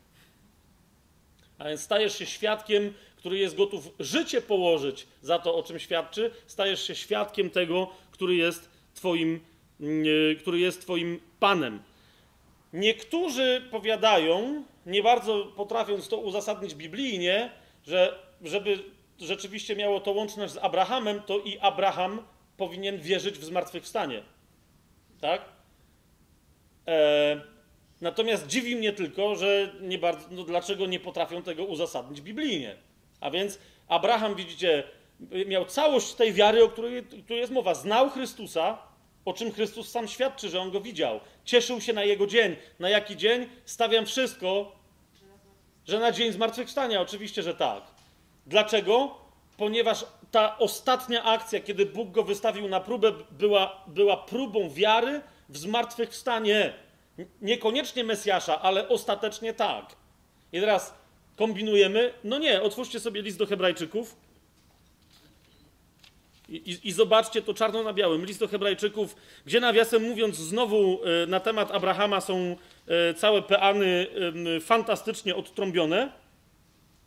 E, I o Abrahamie w 11 rozdziale macie cały fantastyczny tekst w skrócie opowiadający jego, jego historię od ósmego wersetu, ale nas interesuje werset 19. Zobaczcie, co jest w 19 wersecie o Abrahamie powiedziane. 11 rozdział listu do Hebrajczyków. 19 werset. Co jest, co jest o Abrahamie powiedziane? Sądził, że Bóg ma moc wskrzeszać nawet umarłych. To też jakby z umarłych, mówiąc obrazowo, otrzymał go z powrotem. Go, czyli Izaaka, swojego syna. Tak? Ale zwróćcie uwagę, że otrzymując jakby z umarłych swojego syna. Jednocześnie jest wyraźnie o nim powiedziane, że on był przekonany, że Bóg ma moc wskrzeszać nawet umarłych. Jasne? Prawdopodobnie dlatego, yy, dlatego był gotów zabić Izaaka, ponieważ wie, widzicie, bo wie, nie, nie było żadnej innej możliwości. Jeżeli Bóg mi mówi, że mam go zabić, to jakim cudem następnie z niego y, y, y, powstanie pokolenie przymierza, tak? Wieczystego. Więc prawdopodobnie Abraham wykoncypował, tak to sugeruje ten, ten werset 11 rozdziału listu do Hebrajczyków, że ja go zabiję, a Bóg go wskrzesi z martwych. I on jako zmartwychwstały będzie miał tamtych potomków. W tym sensie się nie pomylił, że Izaak nie zginął, ale ten, o którym już wiemy z innych fragmentów tu dzisiaj cytowanych, że był tym właściwym potomkiem, czyli Chrystus, rzeczywiście został zabity, ale co? Ale zmartwychwstał, tak? I dlatego wiara w jego zmartwychwstanie w sercu jest obrzezaniem serca, wyznawanie jej ustami jest drogą do zbawienia, do zbawienia, bo ten, kto wierzy w swoim sercu, jest usprawiedliwiony, kto tę wiarę wyznaje ustami, jest zbawiony. Otwórzcie sobie list do Efezjan, żebyśmy teraz wnioski z tego pozbierali. List do Efezjan, tu, tu, tu, tu, jeszcze będziemy do niego wracać, ale na razie jednego fragmentu tylko potrzebujemy. Drugi rozdział, jedenasty werset y, do trzynastego takie, powiedziałbym, podsumowanie tego wszystkiego, co się wydarzyło. Widzicie, Efezjanie, do których Paweł tutaj pisze, oni o tym wszystkim, co my dzisiaj tutaj y, żeśmy przestudiowali dosyć dogłębnie, choć wciąż wierzcie mi, że po łebkach, tak? Bo, bo tych cytatów powinno tutaj być 500 tysięcy, a nie tych parę, które wam podałem. Ale y, ale Efezjanom wobec tego, co, czego ich w tym miejscu tego listu naucza, przypomina o tym, o czym myśmy tu dzisiaj mówili. Zobaczcie, drugi rozdział listu do Efezjan, 11, 12 i 13 werset. Przeto pamiętajcie o tym, że wy, niegdyś poganie w ciele, nazywani nieobrzezanymi przez tych, których nazywają obrzezanymi na skutek obrzeski dokonanej ręką na ciele, byliście w tamtym czasie bez Chrystusa, dalecy od społeczności Izraela i jacy? Obcy przymierzom. Obcy, to znaczy oddzieleni od przymierzy, bez żadnego prawa, żeby w te przymierza wejść. Obcy przymierzom, zawierającym obietnicę, a w związku z tym, yy, bym dodał, nie mający nadziei i bez Boga na świecie. Taki był wasz stan. I mamy trzynasty werset, który co ogłasza, ale teraz wy, którzy niegdyś byliście dalecy, staliście się w Chrystusie Jezusie bliscy przez krew Chrystusową. Bliscy w sensie spokrewnieni. Jesteście z tego samego rodu, z tej samej duchowej krwi. Albowiem On jest pokojem naszym. On sprawił, że z dwojga jedność powstała i w swoim ciele zburzył stojącą pośrodku przegrodę z muru nieprzyjaźni. On zniósł zakon przykazań i przepisów, aby czyniąc pokój, stworzyć w sobie samym z dwóch jednego nowego człowieka. Z dwóch, to znaczy z Żyda przestrzegającego obrzeski Abrahamowej, przestrzegającego prawa mojżeszowego i z poganina, który był obcy temu wszystkiemu, jednego nowego człowieka, który niezależnie od tego, czy stąd, czy stamtąd pochodzi, jest nowym stworzeniem. Jasne? Okej, okay, podsumujmy to y, już takimi ekstremalnymi wobec tego fragmentami, żeby zobaczyć, że to, to po prostu potem to się stało praktyką Pawła, to nauczanie. Pierwszy list do Koryntian, siódmy rozdział, który zwykle pamiętają w takim kontekście, jak się pytają, czy człowiek się ma żenić, czy, czy, czy za mąż wychodzić, czy nie. Paweł tam rozważa te kwestie, najpierw zaczynając, czy ci, którzy są z nieobrzezania, mają się na jakimkolwiek etapie obrzezywać. Albo czy ci, którzy byli obrzezani, czy mają to ukrywać przed poganami, czy, czy co się dzieje. Zobaczcie, mm, siódmy rozdział, dziewiętnasty werset. Siódmy rozdział, dziewiętnasty werset pierwszego listu świętego Pawła do Koryntian. Obrzezanie nie ma żadnego znaczenia i nieobrzezanie nie ma żadnego znaczenia, ale tylko przestrzeganie przykazań Bożych. Niech każdy pozostanie w tym stanie, w jakim został powołany. Czy przyszedł z obrzezania, czy przyszedł z nieobrzezania. Przestrzeganie przykazań Bożych. Co to oznacza? Otwórzmy sobie list do Galacjan,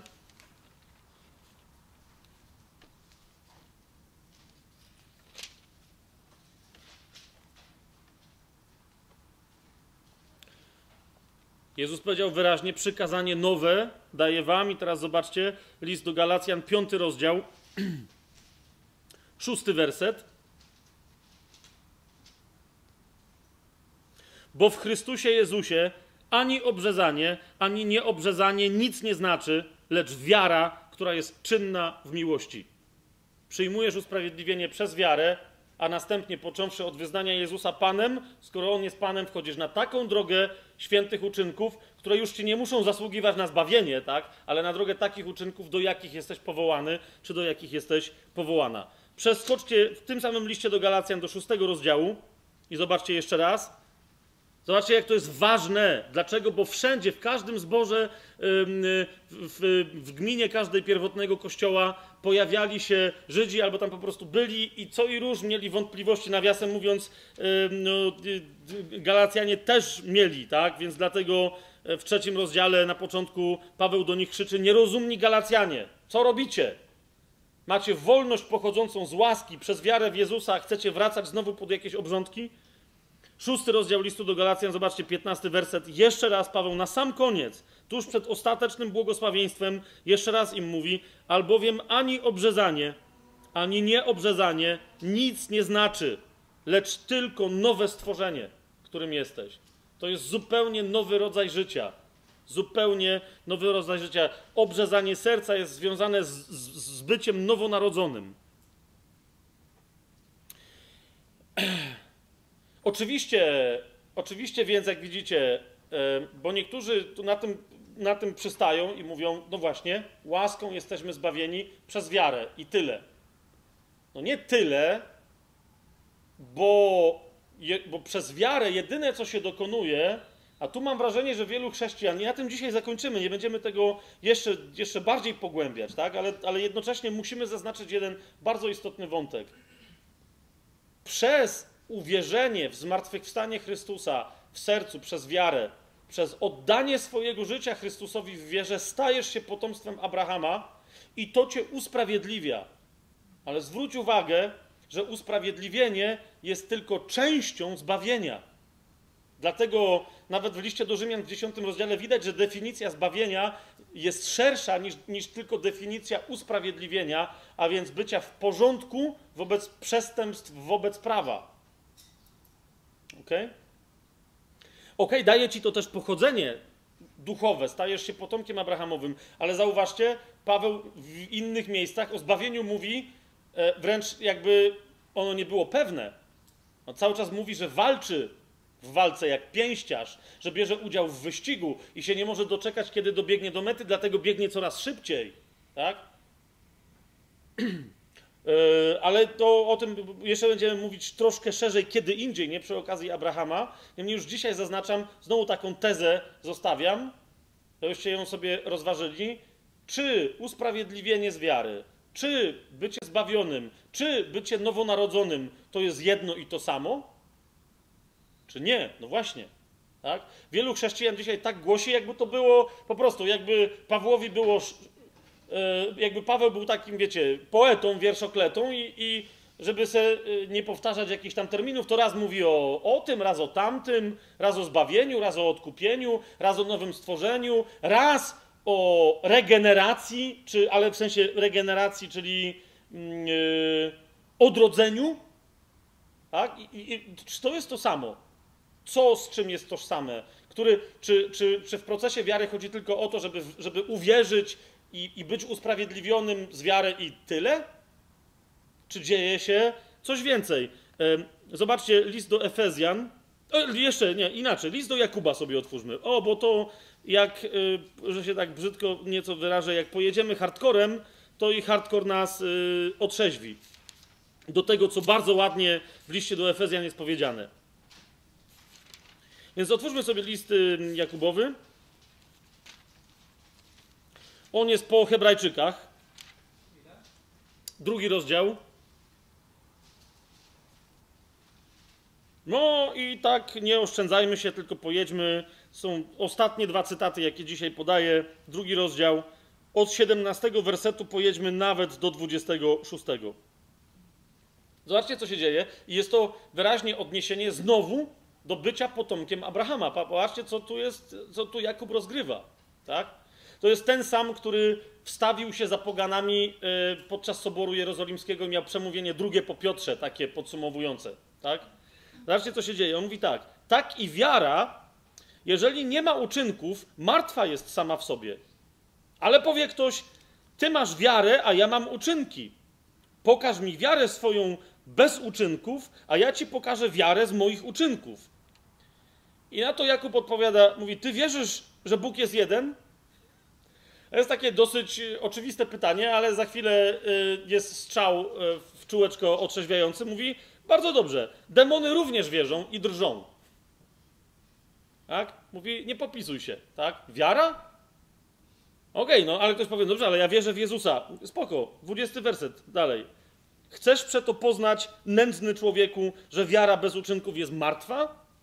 Patrzcie, odwołanie bezpośrednie do Abrahama. Czyż Abraham, praojciec nasz, nie został usprawiedliwiony z uczynków? I teraz, oho, zagadka. Paweł cały czas nawija o tym, że Abraham został usprawiedliwiony nawet jeszcze zanim został obrzezany, a patrzcie, co bezczelnie gada Jakub. Czyż Abraham, praojciec nasz, nie został usprawiedliwiony z uczynków, gdy ofiarował na ołtarzu Izaaka syna swojego? Co się tu dzieje? Ale czytamy dalej Jakuba. Widzisz więc, mówi, że wiara współdziałała z uczynkami jego i że przez uczynki stała się doskonała. No w tym, w tym zdaniu daje odpowiedź, tak? On mówi, oczywiście, że Abraham uwierzył, zanim cokolwiek jeszcze zrobił. Oczywiście, tak? I ta wiara tam się zapoczątkowała i jego usprawiedliwienie tam się dokonało, tak? Ale to, co nazywamy zjawiskiem że, że się tak wyrażę, zbawienia, rozwoju mocy jego wiary i tak dalej, jak się dokonywało przez potwierdzanie tej wiary w konkretnych uczynkach. Tak? I dlatego on mówi: Widzisz, że wiara współdziałała z uczynkami, a więc wiara wcześniej zapoczątkowana dotarła do tego straszliwego testu: zabij swojego syna, i on ten test przeszedł. Nie przeszedłby go, gdyby nie rozwijał swojej wiary. A, a, więc ta wiara współdziałała z uczynkami jego i przez te uczynki stała się doskonała. To, że ktoś wszedł na drogę wiary, to nie znaczy, że już wszystko gra, tak? Tu z tej fałszywej teologii biorą się te historie, że niektórym wystarczy grzesznika doprowadzić do tak zwanej modlitwy grzesznika. Wiecie o co mi chodzi, tak? E, I no, żeby wyznał, zaprosił Jezusa do swojego serca, wyznał, że wierzy w jego zmartwychwstanie, wyznał, że jest grzesznikiem i tak dalej, i tak dalej. Pyk, jesteś zbawiony, spoko. Teraz nieważne, co się będzie działo w twoim życiu, już jesteś zbawiony, masz pewność zbawienia. Wiecie, to jest trochę tak jak z Izraelem, który miał pewność zbawienia, bo został zbawiony od Egipcjan po przejściu przez Morze Czerwone. I naprawdę oni byli zbawieni od Egiptu, tak? Niemniej nie y, zostali zbawieni od, ale nie zostali zbawieni do. Ponieważ w zasadzie z nich prawie nikt, z tych, którzy byli na pustyni, z tych, którzy wychodzili z Egiptu, prawie nikt nie dotarł do ziemi obiecanej. Tak? 40 lat. A więc zbawienie od nie jest jeszcze zbawieniem do, mówiąc teraz nieco potocznym językiem, ale mówię, nie będziemy się wdawać w precyzyjne nazewnictwo, dopóki sobie terminologii nie, nie rozjaśnimy usprawiedliwienia, zbawienia, i tak dalej. Czytamy dalej, co pisze Jakub, yy, czyli drugi rozdział, 23 werset. Po tym, jak mówi, że, mm, że przez uczynki wiara jego stała się doskonała. I wypełniło się pismo, które mówi: I uwierzył Abraham Bogu, i poczytane mu to zostało ku usprawiedliwieniu. Widzicie o co mi chodzi? A Jakub mówi: Ja wiem o tym, w którym momencie to zdanie padło. Tak? Zanim był obrzezany, zanim przeszedł próbę ofiarowania swojego syna i tak dalej, zanim, ale dopiero przez te próby, przez jego posłuszeństwo Bożemu Słowu, właśnie przez obrzezanie i tak dalej, i tak dalej, przez to tamto słowo się wypełniło, tamto słowo pisma. Jasne to jest? I dlatego w 21 wersecie mówi, że, że został usprawiedliwiony z uczynków, gdy ofiarował na ołtarzu Izaaka, bo to jest ostatnia z takich wielkich prób wiary, o, o której e, Abrahamowej, o której wiemy. 24. Aha, no i właśnie tu jest to, to nawiązanie do, do tego, jak Izajasz, prorok, nazywa Abrahama, że jest przyjacielem Boga. I, i, bo on tu mówi w 23 wersecie, że wypełniło się pismo, które mówi: I uwierzył Abraham Bogu, i poczytane mu to zostało ku usprawiedliwieniu, i nazwany został przyjacielem Boga, jakby dopiero od tego momentu sugeruje Jakub, tak? Czytamy jeszcze trzy następne wersety. Widzicie że człowiek bywa usprawiedliwiony z uczynków, a nie jedynie z wiary. W podobny sposób i Rahab, nierządnica, czyż nie z uczynków została usprawiedliwiona, gdy przyjęła posłów i wypuściła ich inną drogą? To jest y, inna historia, 26 werset. Bo jak ciało bez ducha jest martwe, tak i wiara bez uczynków jest martwa. A zatem, jeżeli w sercu swoim uwierzysz, że Bóg go wskrzesił z martwych, amen, tu się zaczyna Twoja droga wiary, wchodzi, stajesz się e, potomstwem Abrahama, a ustami wyznasz, że Jezus jest Panem, ale jeszcze przypomnij sobie słowa samego Jezusa. Nie wszyscy, którzy do mnie wołają, Panie, Panie, wejdą do Królestwa Niebieskiego. Pamiętacie to? On, on, on jakby wcześniej już o tym ostrzega, tak? Mówi, pamiętaj, zbawienie to jest wejście na drogę przez, przez, przez wiarę w usprawiedliwienie i na drogę zbawienia to jest początek. Ja jestem drogą, mówi Jezus, prawdą i życiem. Ja jestem drogą, na której żyjesz coraz pełniej, aż do pełni radości. Ja jestem drogą, prawdą i życiem. Efezjan wobec tego sobie otwórzmy i to jest ten ostatni werset, który chcę zacytować. Drugi rozdział. Właśnie odnosząc się do tego najbardziej klasycznego wersetu, który jest cytowany, gdy mowa o y, zbawieniu z łaski, tak? że, on, że ono nie może mieć nic wspólnego z uczynkami. Absolutnie tak. Żadnych uczynków. Wszystko zaczyna się od aktu wiary. Na tom i, i, i krótko mówiąc, żadnym czynem innym jak tylko uwierzeniem w sercu człowiek nie może zacząć dostępować zbawienia. Nie da, po prostu się nie da. Nie ma takiej możliwości. Łażenie do kościoła takiego czy innego, robienie jakichś obrządków, czegokolwiek, yy, nie, nawet wiecie, spalanie się w dobrych uczynkach, ale przecież jak stanę przed Bogiem, to przecież nie jestem taki zły. Pamiętacie, mówiliśmy o tym już wielokrotnie, tak? To jedyne, co się wtedy wydarzy, to staniesz na sądzie uczynkowym i wtedy Bóg cię porówna do siebie. Ludzie zwykle myślą, że nie są tacy źli, bo patrzą na innych ludzi i mówią, są gorsi ode mnie, to prawda, ale standardem, który ty masz mieć i według którego Bóg będzie sądził, to będzie On. Świętymi bądźcie, jak ja jestem święty, a nie w sumie spoko, jak nie jesteście tak, tak źli, jak myślicie, że są inni ludzie. Świętymi bądźcie, jak ja jestem święty.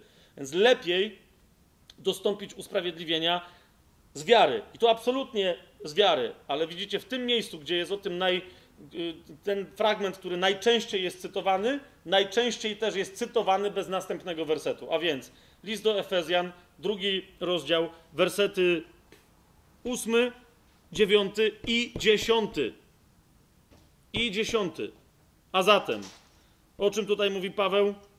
Albowiem łaską zbawieni jesteście przez wiarę i nie z was to pochodzi, jest to Boży dar. Łaską jesteście Boga zbawieni przez wiarę. I jeszcze dziewiąty werset, patrzcie. Nie z uczynków, żeby się kto nie chlubił. To o tym wcześniej mówił Paweł w innym miejscu, tak? Gdyby Abraham wypełnił uczynki, to miałby chlubę sam z siebie, a od Boga co najwyżej tylko zapłatę, tak? To nie byłoby Boże dzieło. Boże dzieło jest, kiedy ty wierzysz w Boże dzieło wskrzeszenia zmartwych Jezusa i w jego w działanie tej mocy w tobie. A więc łaską zbawieni jesteście przez wiarę i to nie z was pochodzi Boży to dar, nie z uczynków, aby się kto nie chlubił. Ale patrzcie, dziesiąty werset. Co natomiast mówi? Jego bowiem dziełem jesteśmy stworzeni w Chrystusie Jezusie. I tu oczywiście chodzi o nowe stworzenie. Stworzeni w Chrystusie Jezusie. Do czego? Do dobrych uczynków, do których przeznaczył nas Bóg, abyśmy w nich chodzili. A zatem, oczywiście, że wszystko zaczyna się od wiary, tu dokonuje się obrzezanie serca, natomiast w wyniku tej wiary mamy rozpocząć życie, każdy swoim powołaniem do tego, każdy do czego Bóg nas stworzył. Nie pełnieniem ogólnie dobrych uczynków, ale tych dobrych uczynków, które dla ciebie zamyślił Bóg tak? Oczywiście to mogą być dobre uczynki, na przykład takie, jak, jak mówi pismo, że obrzezanie było dla Abrahama, który już był usprawiedliwiony z wiary, a jednak był posłuszny Bogu dalej, tak? Bóg dla niego zamierzył, aby przyjął pieczęć swego usprawiedliwienia z wiary, którą było co? Obrzezanie, tak? I dlatego chrześcijanie niezależnie od tam różnych y, koncepcji, ale jeszcze raz, ja stoję na takim stanowisku cały czas i to się nie zmienia. Jednym z takich znaków, takich, y, takich pieczęci potwierdzających naszą wiarę jest chrzest wodny. Tak? Zresztą tam w paru miejscach w liście do Galacjan tam słyszeliście, kto, kto, kto został ochrzczony w Jezusie i tak dalej. Ale więc to jest to, tak? ale tu nie idzie tylko o tego typu, ty, tego typu znak zewnętrzny, ale o wejście na drogę tych dobrych uczynków, tych wielkich, wspaniałych dzieł, mówiąc tym językiem, który może trochę znacie z innych moich, yy, że tak wyrażę, produkcji związanych z rozwojem osobistym w duchu chrześcijańskim i tak dalej. Więc tych dobrych uczynków, które są wielkimi dziełami, które Bóg zamierzył dla ciebie, Bóg cię stworzył, powołał, posłał, powołał, zbawiając, jako nowe stworzenie, wreszcie całe, pełne, święte, posłał do tego, żeby na tym świecie pojawiły się uczynki, których nikt inny za ciebie nie może zrobić. A zatem skończmy już wreszcie w chrześcijaństwie z nieustanną walką o swoje zbawienie, okay? bo ono jest jasne i ono jest pewne dla tych, którzy doświadczywszy tego zbawienia, następnie owocami tego zbawienia żyją, a jak woła Jakub i jak woła Paweł w liście do Efezjan, to są dobre uczynki, do których jesteśmy stworzeni w Chrystusie Jezusie i do których przeznaczył nas Bóg, abyśmy w nich chodzili. Pytanie tylko dzisiaj brzmi: na jakim etapie ty dzisiaj się znajdujesz? Czy jesteś rzeczywiście potomstwem Abrahama? A jeżeli tak, to na jakim etapie rozpoznania swojego osobistego powołania jesteś? Na jakim etapie wierności, posłuszeństwa głosowi Boga jesteś? Ile z tego, co w swoim życiu robisz, to są te dobre uczynki, do których jesteś nowym stworzeniem, do których jesteś stworzona, czy stworzony w Jezusie, a na ile to są dobre uczynki, które tobie się dobre wydają. Jak bardzo, powiedziałbym, y, za, idąc za tym fragmentem, ty dzisiaj chodzisz w tych dobrych uczynkach, do których przeznaczył cię Bóg. E, jeżeli jest tu dzisiaj ktoś, kto mm, sądzi, że nie ma takiego doświadczenia, dopiero co skrytykowałem modlitwę grzesznika, a teraz do niej będę zachęcał, tak? Ale, to rozumiecie, że na tym się nie skończy. Niemniej, gdyby dzisiaj tu ktoś był, taki, kto nie przyjął Chrystusa do swojego życia, do swojego serca, a teraz wobec tego, co tu zostało powiedziane, chciałby tego właśnie dokonać, ktoś, kto z jakiegoś powodu miałby wątpliwość, czy rzeczywiście tym potomstwem Abrahama jest, czy rzeczywiście tego aktu wiary w swoim sercu dokonał. Jeżeli ktoś chciałby albo się co do tego upewnić, albo chciałby tego aktu dokonać, no to po tym, jak zaraz skończymy, podejdźcie, porozmawiamy na ten temat. Nie chodzi mi o to, że tu będziemy się za kogoś modlić i łapy tam na niego wkładać i tak dalej. No chyba, żeby ktoś bardzo chciał, to też żadna sprawa, tak? Ale to sobie ustalimy wtedy, to sobie ustalimy wtedy, jak, y, czy to rzeczywiście jest potrzebne, czy nie. Jeżeli tak, mm, to jak to zrobić. Jeżeli wiesz, masz tę pewność, że jesteś usprawiedliwiony, że jesteś usprawiedliwiona z wiary, fantastycznie, ale wraz z lekturą i ze studium e, tego, kim był Abraham księdze Bereshit, tych pozostałych fragmentów, które dzisiaj poruszaliśmy jeszcze raz, odnieść to wszystko do siebie, zwłaszcza to, to wołanie Jakubowe, czy twoja wiara się opiera tylko na jakimś przeszłym akcie serca yy, i być może, że zaczyna obumierać w złym sensie, czy też twoja wiara rzeczywiście jest żywa, bo się opiera na uczynkach wiary. Nie po to dokonywanych, żeby być zbawionym, ale po to dokonywanych, żeby, żeby być posłusznym Panu w planie swojego osobistego stworzenia i powołania. Dziękuję Wam przepięknie.